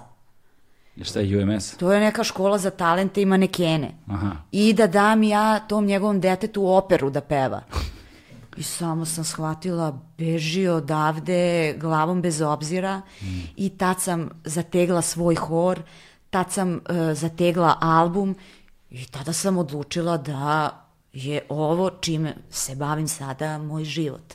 Da, i kao ovaj, imam, imam ono, ustanem ujutru, imam radno vreme, na, ono, odlazim tu i tu, radim to i to, znaš, kao konstantno, konstantno bavljenje svojim projektom. A kako recimo, ok, ti si sada praktično solo izvođač, on, znaš, ti si sada praktično solo izvođač, to sad ima svoje druge prepreke, ali u radu sa bendom, ovaj, kako se prevazilaze te recimo krize, međuljudski odnosi, znaš, jer u kom umetničkom stvaralaštvu negde užasno je važno biti čovek pre svega, znaš, kao i onda i sve te ljudske vrline i mane i tako dalje, sve tu, znaš, i emocije i umetnički rad je emotivan pre svega i tako dalje, što je potpuno suprotno, ne znam, korporativnom biznisu u kojem imaš pravila ponašanja, pravila oblačenja vrlo često, kada su mm banke ili osiguravajuće društva, advokatske kancelarije i slično, da ne odemo tako daleko. Imaš ono, naš striktne protokole koji odma, odvajaju taj profesionalni i privatni odnos. Znaš, u umetničkom stvaralaštvu toga nema odvojenog. A opet moraš profesionalno da doživljaš posao. Kao kad naleti kriza, kako je preguravaš? Dok sam bila u bendu, nas je znači bilo šestoro, to sam rekla, nama je mnogo bilo teško. Jer smo mi, naš šestoro smo bili suštinski, svi smo bili žešće različiti. Da. Ovaj se loži na džez sa primesama melosa, ovaj se loži na punk, ovaj se loži na free jazz, ovaj na pop 80-ih, ovaj na punk, ja na pop. I onda dobiješ proizvod, dobiješ Frankenstein pesmu. Da. Ja nosim uh, bubnjareve, bubnjarove, kako se već kaže, cipele, basistinu jaknu, e, saksofonistinu kapu i to sve izgleda ko ne, ne, ne, ne. A sad, što nas je manje, to je bolje. Da, pa da. To, znači, na, na najbolji mogući način se rešila problem, eliminiši ljude. u suštini, da, ali ta vrsta, ta kriza identiteta, ovaj, kada se stvara, stvara takav Frankenstein ume da bude problem, tada dobro dođe menadžer Kad Mi smo imali i menadžera. Nama je Sagor bio menadžer. Da. On, ni Sagor nije mogao da nam pomogne. Da, da, da. Zato što nas je bilo šestoro. I svi, svo šestoro smo toliko pametni, toliko talentovani, toliko profesionalni, da nemam reči. A da. ti kad pogledaš Stonese, kakvi šestoro, to su Kit, brat Richards i Mick Jagger. U Beatlesima, ko? John Lennon i, i Paul. Uvek je u idolima vlada Divljan i Šaper. Da. Uvek je dvoje.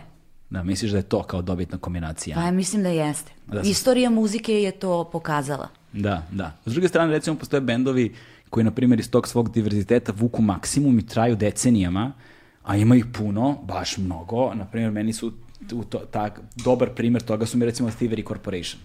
Tako je. Thievery, vrate. Tako je. Znači, ne, ne postoje dva ista karaktera, znači 15 različitih instrumenta, mm -hmm. njih je mali milion tu. Ali ti ne znaš ko je tu autorska zapravo, e, ekipa. Ali zapravo su dvojica tu glavni. Pa da, da, Erik i Rob, njih dvojica su kor, kor u pravu si jeste, njih dvojica su zapravo sila osovina tog benda da. i ovi drugi su zapravo zamenljivi, da. uslovno rečeno zamenljivi, naravno i sviraju 20 i više godina, pa kao sad su već, da. sad je se to već ustalilo, ali da, njih dvojica su, jeste više u pravu si, pokušam da smislim gde imamo više ljudi koji odlučuju u nekom bendu. Ne znam, ja Znaš, ne znam. u Oasisima su isto bili ova dvojica, Burazeri. pa se ni oni nisu podnosili. Da. Znaš, u Stone Rosesima dobro, tu je ovaj, samo Jan, sad razmišljam baš je od... Prodigy, tu je ovaj Liam, Liam samo on, da. ovi su bili MC-evi. Da, Maxim i Keith, pokojni. Da. Chemical Brothers, dobro, njih su dvojica, Air njih dvojica, Daft Punk njih dvojica. Da, da. Vidiš, možda smo na tragu zapravo nečega, ono. A ovde na lokalu, Ovde na lokalu... Ko postoji dovoljno, ko postoji dugo i kao da je velika trupa. Jel imamo nekoga? Ono, mislim kad kažem lokalu, mislim cela bivša juga. Pa imamo kao... dubiozu kolektiv. E, bravo, dubioza funkcioniše, a ko su, su svi, su tu svi glavni ili? Ja mislim da su tu uh, isto dvojica, Aha. da su tu onaj lik Brana, čini mi se, da. koji je za, za kompu i Vedran basista. Mm. Mislim da su njih dvojica tu osovina, da. a da se ostali lepe, ali to je firma. Da. Oni su, oni žive u različitim gradovima, ali opet uspevaju da, da, bu, da budu produktivni i da sviraju širom sveta. Pa da, te da. I SARS isto. SARS. Da, to, znaš, oni postoje sad već dosta dugo čoveče.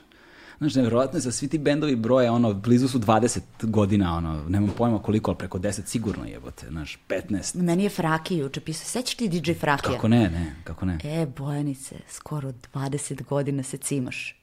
Joko, 20 godina. Da. da. Ti i ja smo pričali zapravo o tome ovaj, uh, prošli put kada si bila. Uh, sad ne znam, to je jako mali broj ljudi slušao i gledao, ali su neki ključni slušali i gledali. Ovaj, Ma, Pozdrav za sve. Pozdrav Koja je kamera? Tvoja je ova ovde. da, da. Ovaj, ali, i, ali bi, mogli bismo da ponovimo sada deo, mali, de, mali deo toga, zato što je to bilo i na drugoj platformi i to je bio jedan od mojih ranijih. Ti si bila zapravo jedan od mojih prvih podcasta mm -hmm. kada sam tek počinjao da ih radim. Ovaj, a, ti si zapravo imala ono pravi underground razvojni put. Ono, od Ja sam tek tada postala svesna svog da. puta, kad smo pričali ti i ja o tome. Stvarno, da. Jer meni večito, kad su, znaš, neke dodele tih nagrada, mm. Novi mladi umetnik. Da, ja, bože. Novi da. mladi izvođač. Da, da. O, brate. Da, da. I onda ja se tako, po... da, ja sam mlada, a u stvari nisam. Da. Počeli smo Nenad i ja još 2003. u Root Autu, u Kostolcu, mm. nas je Sloba Konjović tada stavio na drugo mesto godišnje godišnje liste. Mm. A meni kad me Sloba Konjović stavi na njegovu top listu, meni je to wow. Jer pričali smo, i B92 je imao svoju izdavačku kuću, i RTS, i PIG, svi oni imaju izdavačku kuću i svi guraju svoje da. artiste, a Studio B nije imao. Studio B je imao Slobu Konjovića, muzičkog urednika starog kova. Da. I on nas tada stavi na drugo mesto godišnje liste. Kao wow. Posle Root Outa bio je Mistake Mistake, mm. gostovanje na njihovom trećem albumu, posle Mistake Mistake-a ili drugi album, nisam da. sigurna. Šta je sa njima? Pa ne znam, mislim da se Ika i Edi više ne bave muzikom. Da, da. E, e, Edi je fizičar, on čovek naučnik, Ika se bavi, i on je isto umetnik, mislim da je vajar ili slikar, nemam pojma. Da, kako se zva, zove beše ovaj ortak što im je pevao ne da, Milovan. Milovan, da. danshal vokale, on je bio dobar, dobar vokal. Iz Zemlje gruva je nastala, uh, ne, iz Mistake Mistake je nastala Zemlja, Zemlja gruva. Da, da, da. Da, znači, posle Mistake, Mistake Svina pod, posle Svina poda solo album Daljine, posle Daljina, eto me u Basilitiju. Znaš, i taj razvojni put je zapravo ogroman put i ta, to što si rekla kao mladi, mladi perspektivni izvođač, znaš, kad ti se zakači to mladi, kao ono, u jednom trenutku u životu, dugo ti to stoji, percipirajte na taj način i jedva se toga oslobodiš. Da. Baš sam skoro sedeo, meni su tako isto, ja sam bio mladi voditelj, mladi novinar, mladi voditelj, mladi novinar, mladi voditelj, mladi novinar, uskoro ima 40 godina, znaš, mm -hmm. kao, nisam, znaš, više, ok, cool, znaš, živim u savremenom društvu, ljudski vek se značajno produžio i ko zna, znaš, možda naša generacija doživi stotku lagano mm -hmm. sa zdravom pameću, možda i ne, ko zna, možda će biti klasna stvar, biti, ono, zdravi stari, jebi ga, da. kao što verovatno jeste, ali, ali to mladi, ono kao nisam bre mlad, ono odavno.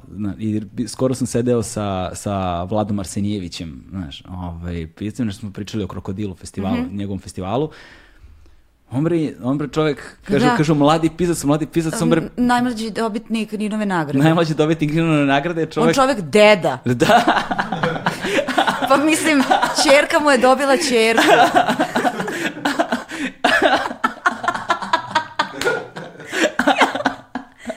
jako.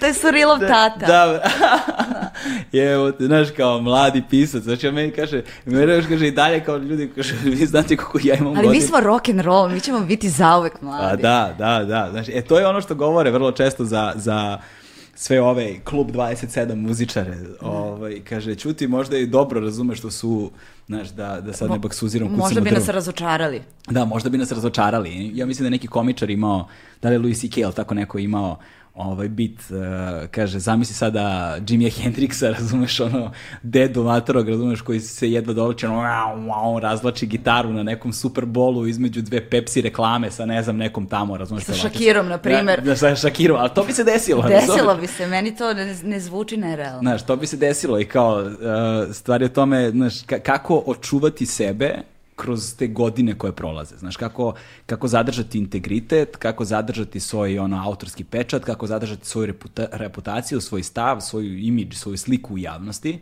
koja je za ljude koji su nosioci nekakvih javnih ono, pozicija zapravo važno, jer su oni negde ogledalo društva u kojem živimo i oni su negde naši predstavnici u svetu. Ove, s jedne strane, a s druge strane, i kao i zaraditi para i obezbediti nekakvu vrstu finansijske nezavisnosti, znaš, i da te ne bude sramota ono, da radiš i tako dalje, i kao, kako doneti odluke, u kom trenutku preseći, kako znati koji komercijalni projekat da kažeš da, za koji projekat da kažeš ne. Znaš, sa nakrednom pameću svi možemo lako da Mhm. govorimo. Ja mogu sad unazad da ti nabram, ja ovo sam uradio loše, ovo je trebalo Da. ovako, ovo treba onako, ovo sam uradio dobro, za tebe isto, za bilo koga drugog. Ali kad se nalaziš u trenutku da treba da doneseš odluku za nešto što će tek da se desi, ti ne možeš da znaš. Ti ne možeš da znaš. Kao, znaš, ka- kako ti recimo donosiš tu vrstu odluka, ono, da li ima neki projekata koje odbijaš, na koje pristaješ, kako vagaš, šta je posredi, na osnovu čega se, čime se vodiš, kakav je kvalitet u pitanju i šta će da bude iz svega toga. Jo, ne znam, galebe. Šta me Pa ne pitaš? znam, ono, mnogo teško pitanje. Pa ne znam, verujem svom stomaku, Da. pa onda e, gledam ko me zove, gledam taj ko me zove šta on radi Da. i na osnovu toga. Mm. Na kraju dana opet neki socijalni kapital. Pa jeste. znaš, koji gradimo negde vremenom. Ali jeste, ali jeste zajebano, znaš, kao kako se očuvati i to je ono što, recimo, što ti dobro radiš, bez obzira na te kao pauze koje se dešavaju, koje su jebiga takve kakve su i kakva im je priroda, a, uspevaš uvek iznova da pronađeš neku novu verziju sebe koja je u komunikaciji sa duhom vremena. Da. Znaš, Da. to je ono, ok, radila si ovo, ne znam, u Kostolcu 2003. Pa si radila ovo 2007. 8. pa ovo 2015. i ovo sad 2020. 21. Svaka od tih epizoda je drastično drugačija. Jeste. Svet je izgledao drugačije. Jeste. Muzika je zlu- zvučala drugačije, tehnologija je bila drugačija. Ono, mi kao ljudi smo bili drugačiji, na drugačiji način smo razmišljali, na drugačiji način smo doživljavali stvari. I onda mi je to ono, kad vidiš nekoga ko prosto ostao je u jednom trenutku u vremenu i kao to je to i ništa se nije promenilo nakon toga. Meni je žao kad se to desi. A češće se dešava to nego, Mm. Pa da. Mm. nego ovo drugo. Sad mi pišu, Bojanice, vrati se sebi. Što znači to vrati se sebi? Otkud ti znaš šta sam ja sada u ovom trenutku? Meni je to bezobrazno. Da. Pustite me da budem šarena. E, mnogo volim sada ovu pesmu Mani, toliko mi je obogatila taj folder na Deezeru. Toliko mi je unela boju, neku novu. I hoću što više tih novih boja. Što šarenije, da što više, da što više probam da kad dođe taj sudnji dan, da mi ne bude žao. Da, da bude da sam sve probala i da sam dala celu sebe.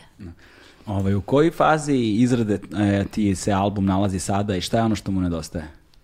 Pa malo pre smo pričali Da, o da. tome, nedostaje mu da za neke pesme odradimo, nađemo uh, adekvatno i najbolje odelo za tu pesmu, aranžman. Aranžmani, da. Da. Ovaj, sa kime radiš taj album? Uh, album radim sa Cobijem i sa Luksonijem, Mhm. taj muzički deo. Tekstove uh, većim delom sam pisala sama. Da. Uh, za Mani pomenuli smo Milana Radulovića Laću. Da, da, da. Sa njim sam to radila i uh, malo se prelila autorska ekipa iz prošlog albuma, pa će se tako naći i pesma moje jako dobre prijateljice i naše velike mlade pesnikinje Maše Seničić.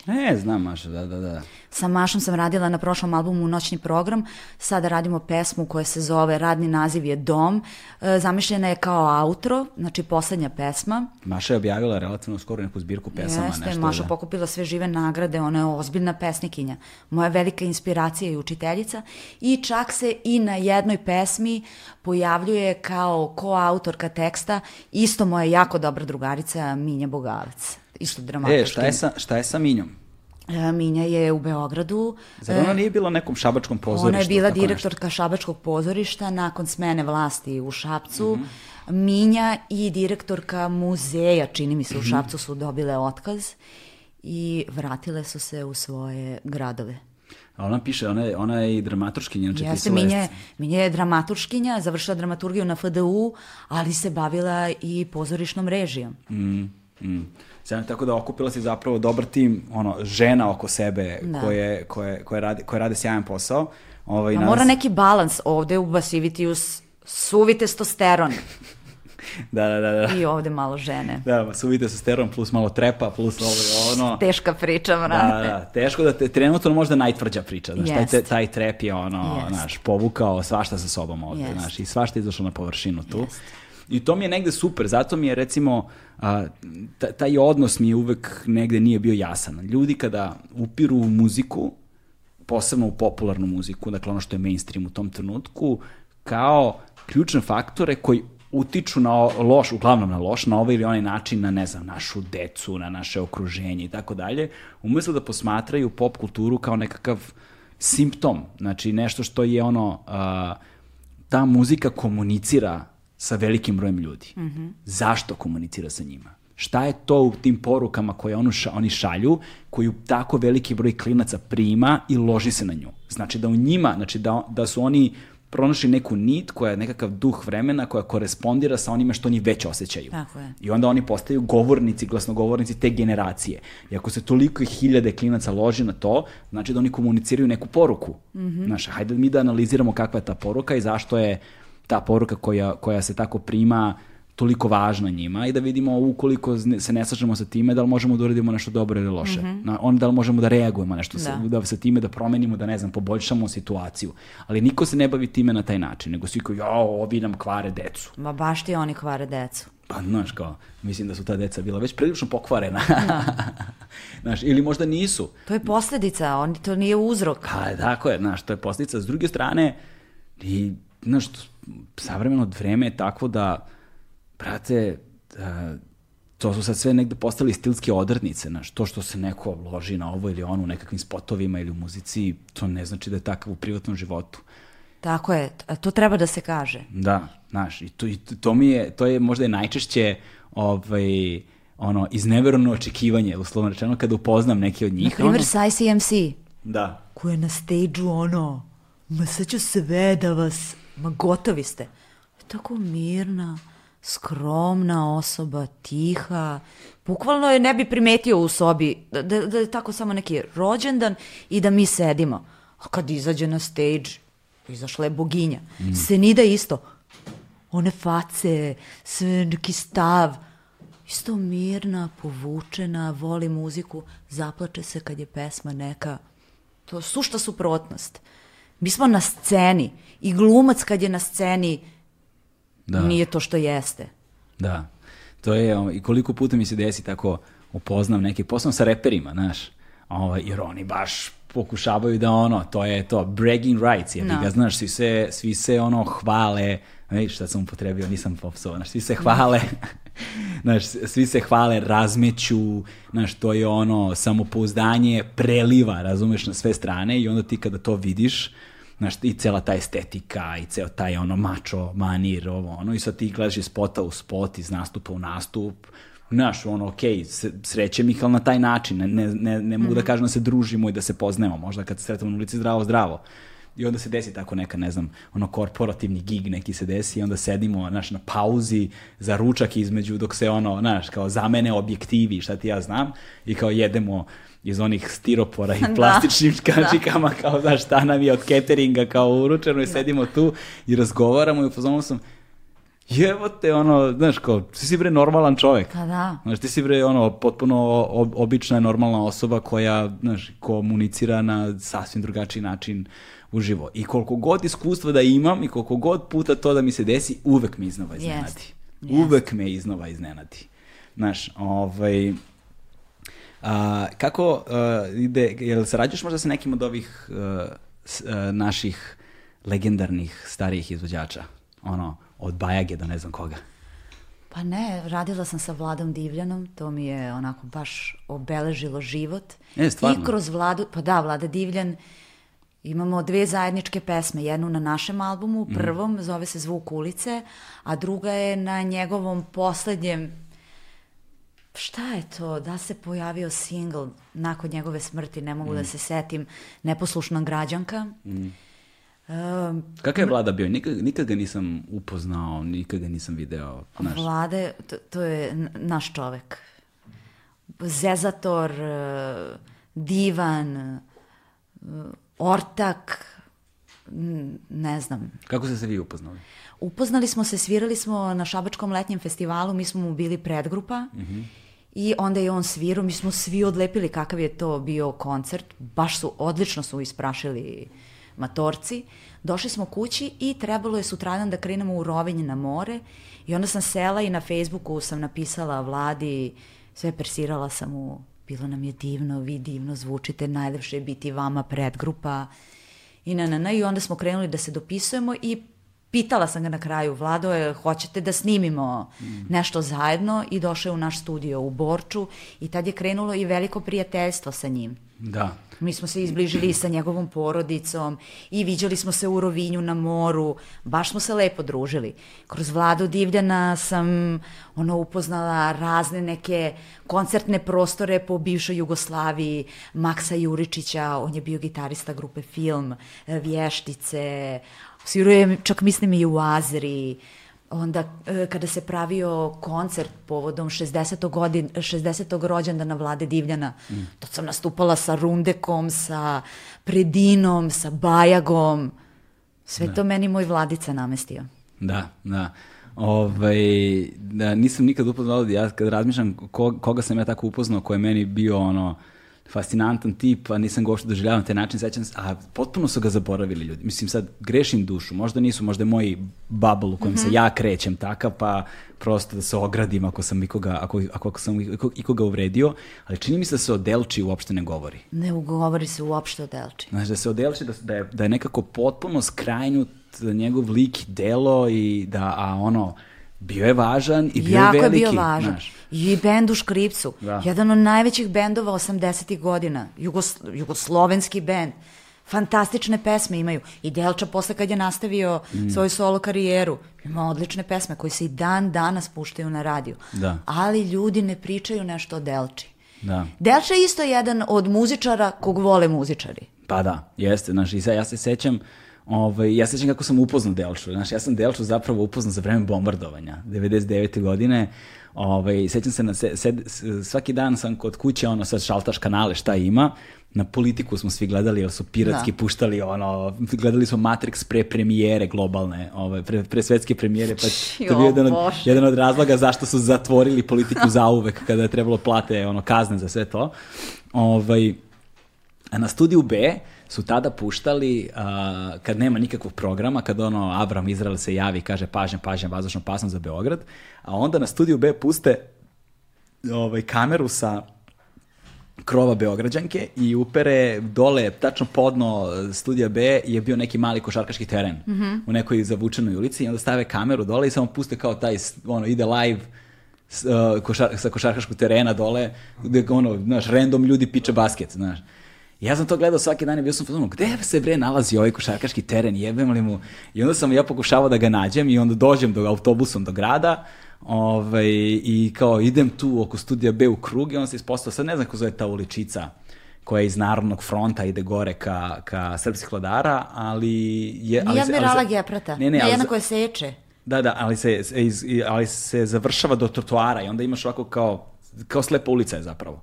Či slepa i onda ide trotoar pa si u, na, pa, si, pa, si, pa si u srpskih vladara, znaš.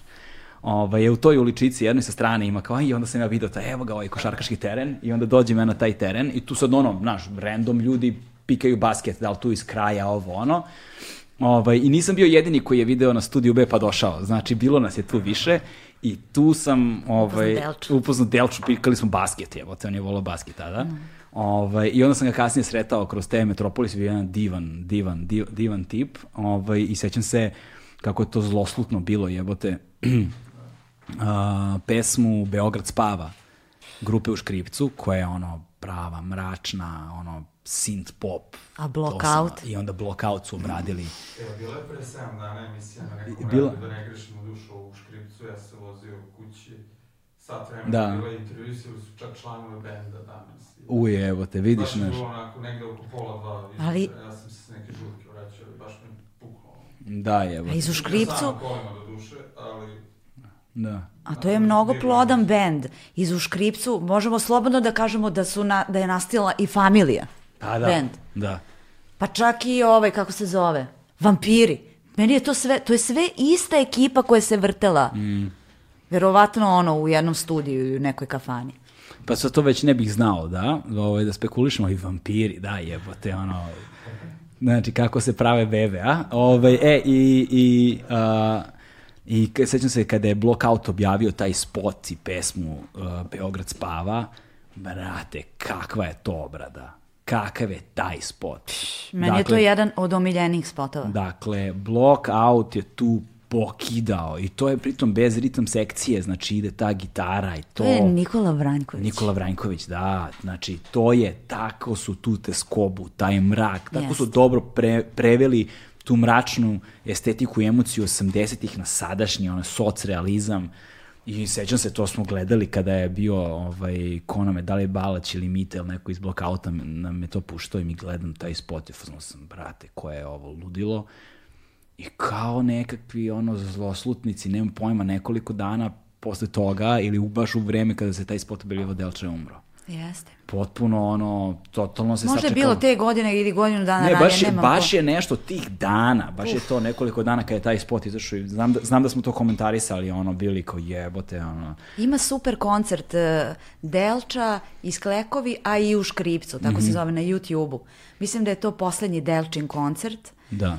Uh, tu svira Ratko Ljubičić, najbolji bubnjar jugoslovenski koji je odsvirao tata mama, tata mama, ne, ne, ne, ne, neću sa vama. Uh, naš najbolji zauvek najveći prijatelj, sada pokojni uh, Nebojša Zulfikar Pašić Keba, svira gitaru. Uh, Vule je tu, Vule je svirao, Vule koji je glavni autor benda u Škripcu, Vule Da, da, Long Play, da, da. je svirao sint. Takav koncert, takva svirka, takva emocija, takva ljubav.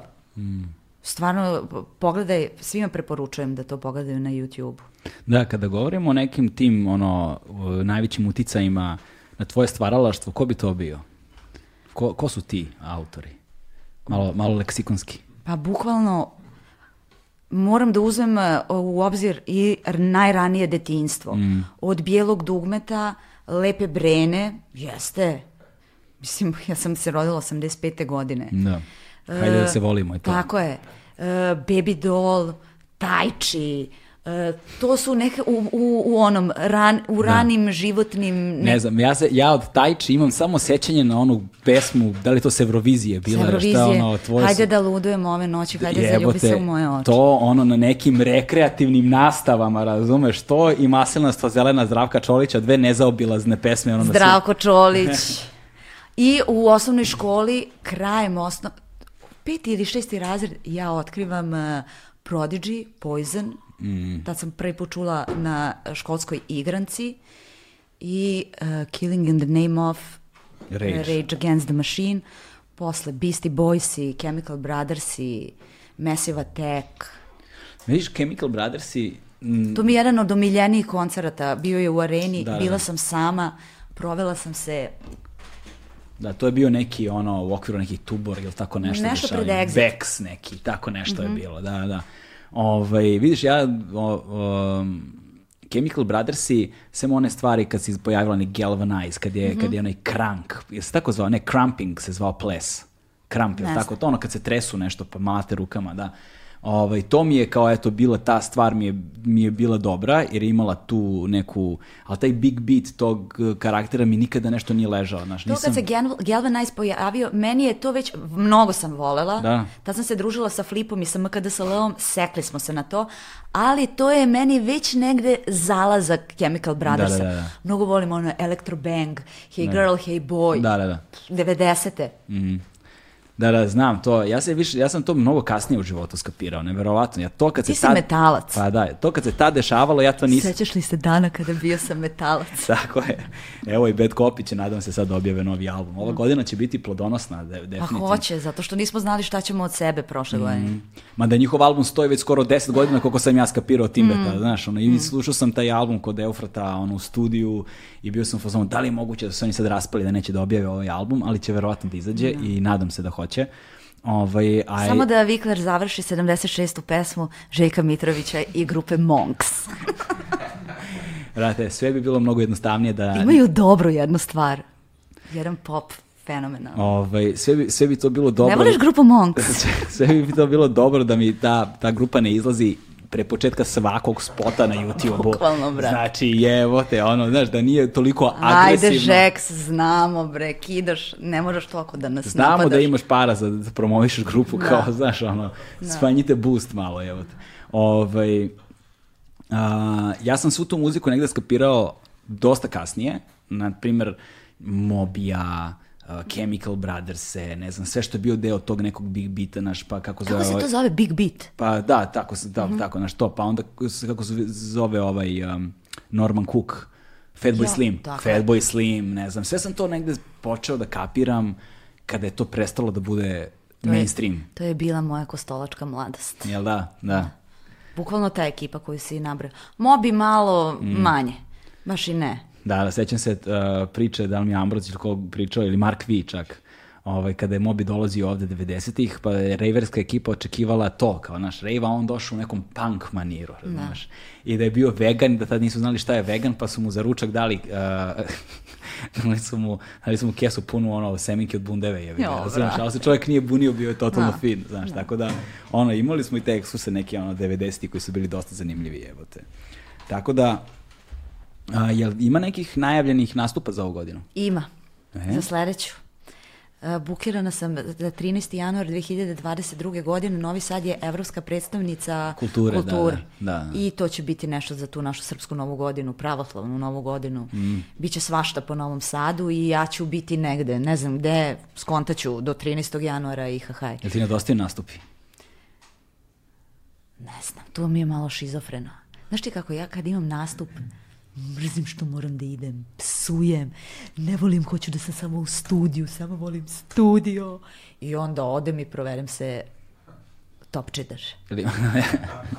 Jel Ali imaš- ja i povraćam pre nastupa, kašljem od treme i onda me zezuje, evo Božen se ra raspevava i ja ono "Uah, uah", i onda izađem i bude, bude super. Da ja, ovaj, to sam teo da te pitam, znači, jel imaš kao to, tremu pred nastupe i tu anksioznost? Imam, baš me, sve, osjećam da ispod ove kože, da tu nešto vrvi sve, kosti mi se lome i ti ćelije neke samo, samo me rade. Znaš o čemu recimo nisam razmišljao kada je live u pitanju, kada sam pričao sa prtijem, eh, prtijevcima, ovaj, oni su mi rekli, brate, kao koje, da zapravo nastupi uh, iziskuju ono strahovitu kondiciju. Da. Da kao to je ono, Galebe, sad smo radili Sneakerville, pa radili smo Da. zajedno. I snimala sam tri pesme uh, kao nastup. Galebe, nisam stigla do prvog refrena, umrla sam. Da, to Odmah sam zvala mog koču, kočo, brate, dolazim na treninge. I tad sam počela da treniram. Mm. Ali baš ti, mi smo prešli, nemamo mi više 23, 5, Da. 6, pa i 28. Imam 36 godina, ble. Ne mogu više. Mora trening. mora trening, mora ono koordinacija, mora ovaj kardio da se radi. I kundalini joga kod Une Senić, jer ti ona povećava kapacitet pluća. Čekaj, ali ideš na kundalini? Išla sam pre, sada ne. Koja fora? Ne znam koja je fora, ona Una veštica nešto nam radi, nama je prelepo tamo. Znaš, ona pokušavala ona da mi objasni, ali ona je otišla previše u misticizam, ono da bih je ja razumeo.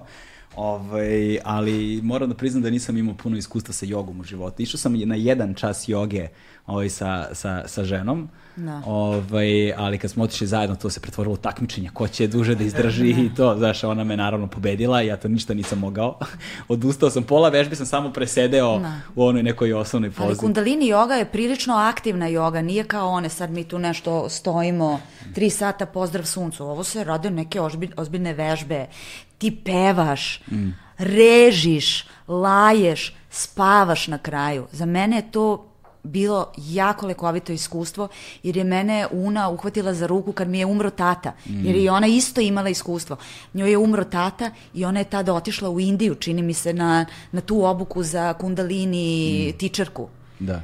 Mene je ona izlečila. Ja sam tamo i, i disala, i vežbala, i plakala, i pričala sa svojim tatom. I, znači, izlečila me je. Da, jebote. Ali sam mnogo bolje pevala u studiju tada kada sam išla na kundalini jogu. Znači da stvarno nešto radi plućima i dijafragmi. Ali ima neka fora, znam, znam da se kao relativno često o tome govori, ali meni je to i dalje potpuno nepoznanica kao da kada imaš nastupe kako treniraš glas, čuvaš glas, uh, oporavljaš glas, ono, jel imaš neke fore sa Pa tim? nemam, ja sam rock and roll, ja se ni ne raspevavam. Da, ništa, a? Ništa. Još uvijek si dovoljno Užas. mlada za tako nešto. Ili nemaš, ili, ili, ili, ili nisi nikad vezivala dovoljno nastupa ono jedan za drugim. Nisam nikada vezivala dovoljno nastupe. Sad gledam, ono, bio je takav hype na Twitteru oko Eurovizije Da. i onda sam to pratila preko Twittera i gledala sam razne neke uh, vlogove na YouTubeu, šta su oni to radili tamo, vidim da su isprštali cela naša genera, gen- ova, delegacija, proveli su se fantastično, ali one ceo dan pevaju u onom backstage-u. Prvo ide raspevavanje, Da. kao mi na horu e, na faksu. Ali meni je to sad izgleda kad imam koncerte, suviše mi je školski i štreberski, pa ja kao, haha, neću. Zato umrem. Da. I to stvarno moram da ispravim. Stvarno treba raspevavanje. Kao što treba zagrevanje pred, e, m, pred trening, pred mrtvo dizanje, koje kidam. To, kidaš mrtvo dizanje, a? Ovaj, koliko vučeš iz mrtvog? Ne znam, ali vučem. Ali radiš ispravnu vežbu, to je najvažnije. Radim sve onako malo guza izađe, sve sam prava i, Leđa prava, to. i kolena ništa. kako dižem, tako se ispravljaju i kolena. Zaključane ruke i to, Sve, sve, sve, sve, sve. sve. To je užasno važno. Vidi mi čoveče i on žuljeve. One od... Koja je moja kamera? Ovamo. Imaš ove od, od tego, Da. ništa ne radiš s rukavicama, znači. Nemam rukavice. A gde ideš sada, gde vežbaš? Pa ovde sam u Đuri Đakovića kod Koče, našeg ortaka, u Aha. Ljedifovac Tu za tu. i nas dvoje treniramo zajedno. A nisam išla sad mesec dana, malo me grize savest, ali nisam imala kada. Pa dobro, važno je da se Da. nešto radi i da se nešto proizvodi. ono. Da. To, je, to je negde najvažnije, pa ono, ostalo ćemo, ostalo ćemo lako. Pa dobro, ovaj, Bojanice, Koliko je prošlo? ne znam, jedno, dva sata, a? Tako, oko dva sata. Ništa, još pet sati. Lagano, samo kad bih ja mogao ovaj, malo više da smijem, ja se izvinjavam svima, malo sam ovaj, off beat danas, radili smo, a, a, ra- radili smo iz, izvlačenje iz nekih pozicija. ovaj, ima ta jedna pozicija, zove se kesa gatame. Znaš, I to ti je sad ono kada te neko legne, dakle ti ležeš na leđima, ovaj, i dođe neko, leg- legne preko tvojih grudi, nagnječite onako jako, jednom rukom te uhvati oko vrata i drugom, drugu te, drugom te uhvati između a, lakta i tricepsa, a podlakticu gurne ispod miške i zaključa. Znaš, i on te drži u kragnu I i, ovako da i legne i sad ti treba se izvučeš iz te pozicije, znaš. Koji je to sport? To je grappling, uh, brazilski jiu-jitsu i to, znaš. E, i ovaj, kombinacija judo i svega, znaš. I ovaj, I onda se menjamo, znaš, kao ja se izvučem iz pozicije, pa onda ja uđem u mount, odnosno dozgo uhvatim tu poziciju, pa se onda ortak s kojim sparinguješ, on izvla- izvlači iz pozicije i tako naizmenično, znaš. Jedna topla gej priča. Tako je, da. Vrlo, vrlo, vrlo, vrlo, vrlo onako bra, bratoljubski. I, ovaj, i, i drugar a, a, je, ja, znači ja sam ušao u poziciju, ja sam njega držao toj, toj kesi. I, ovaj, i imaš nekoliko načina da se izvučeš, a ovaj, pošto sam ja jedno 30-40 kila lakše od njega, on je izabrao način koji je njemu najjednostavniji, a to je kad ti neko tako legne, ti onda uhvatiš hvat, pa nisko ga uhvatiš oko struka, tačno ispod rebara, ovaj, uh, i onda se izviješ u most i prebaciš ga preko sebe, znaš, i onda ti pređeš preko.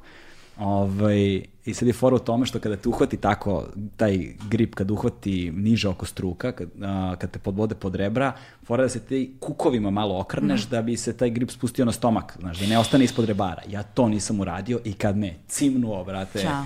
samo mi je posljednja dva rebra ovde i to se desilo jutros. Samo se čuo kvrc, ja sam zastenjao Da. i to je bio kraj. I sad više, sad ne mogu, ne mogu ni da udahnem do kraja. Pa verujem ti. Tako da, dobro sam ja i preživeo i ovoliko, znaš. U svakom slučaju, Galebe, samo da se ništa ne desi loše sada posle ovoga. slušaj, potrudit ćemo se. Molim Potrudit ćemo se, potrudit ćemo se, spakovat ćemo, znam da radiš za DB.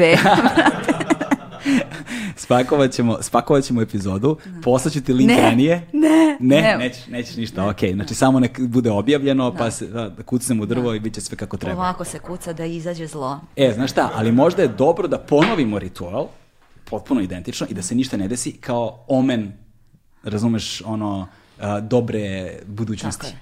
Tako je. Ukoliko si dovoljno sujeverna i da veruješ u te stvari. Aj, živeli. Preživeli. Veruješ horoskop? Nemam pojma, verujem kad meni odgovara. Kao i većina sa većinom stvari u životu.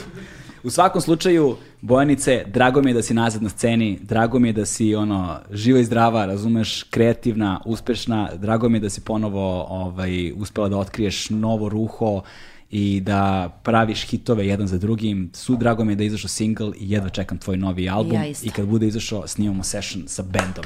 Tome se baš radujem. Ja isto. Hvala ti, Galebe. Hvala tebi puno. Stigli smo do kraja, to je to. Ćao.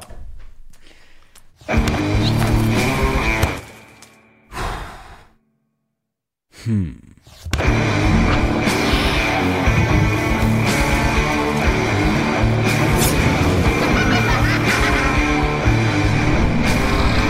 Gracias.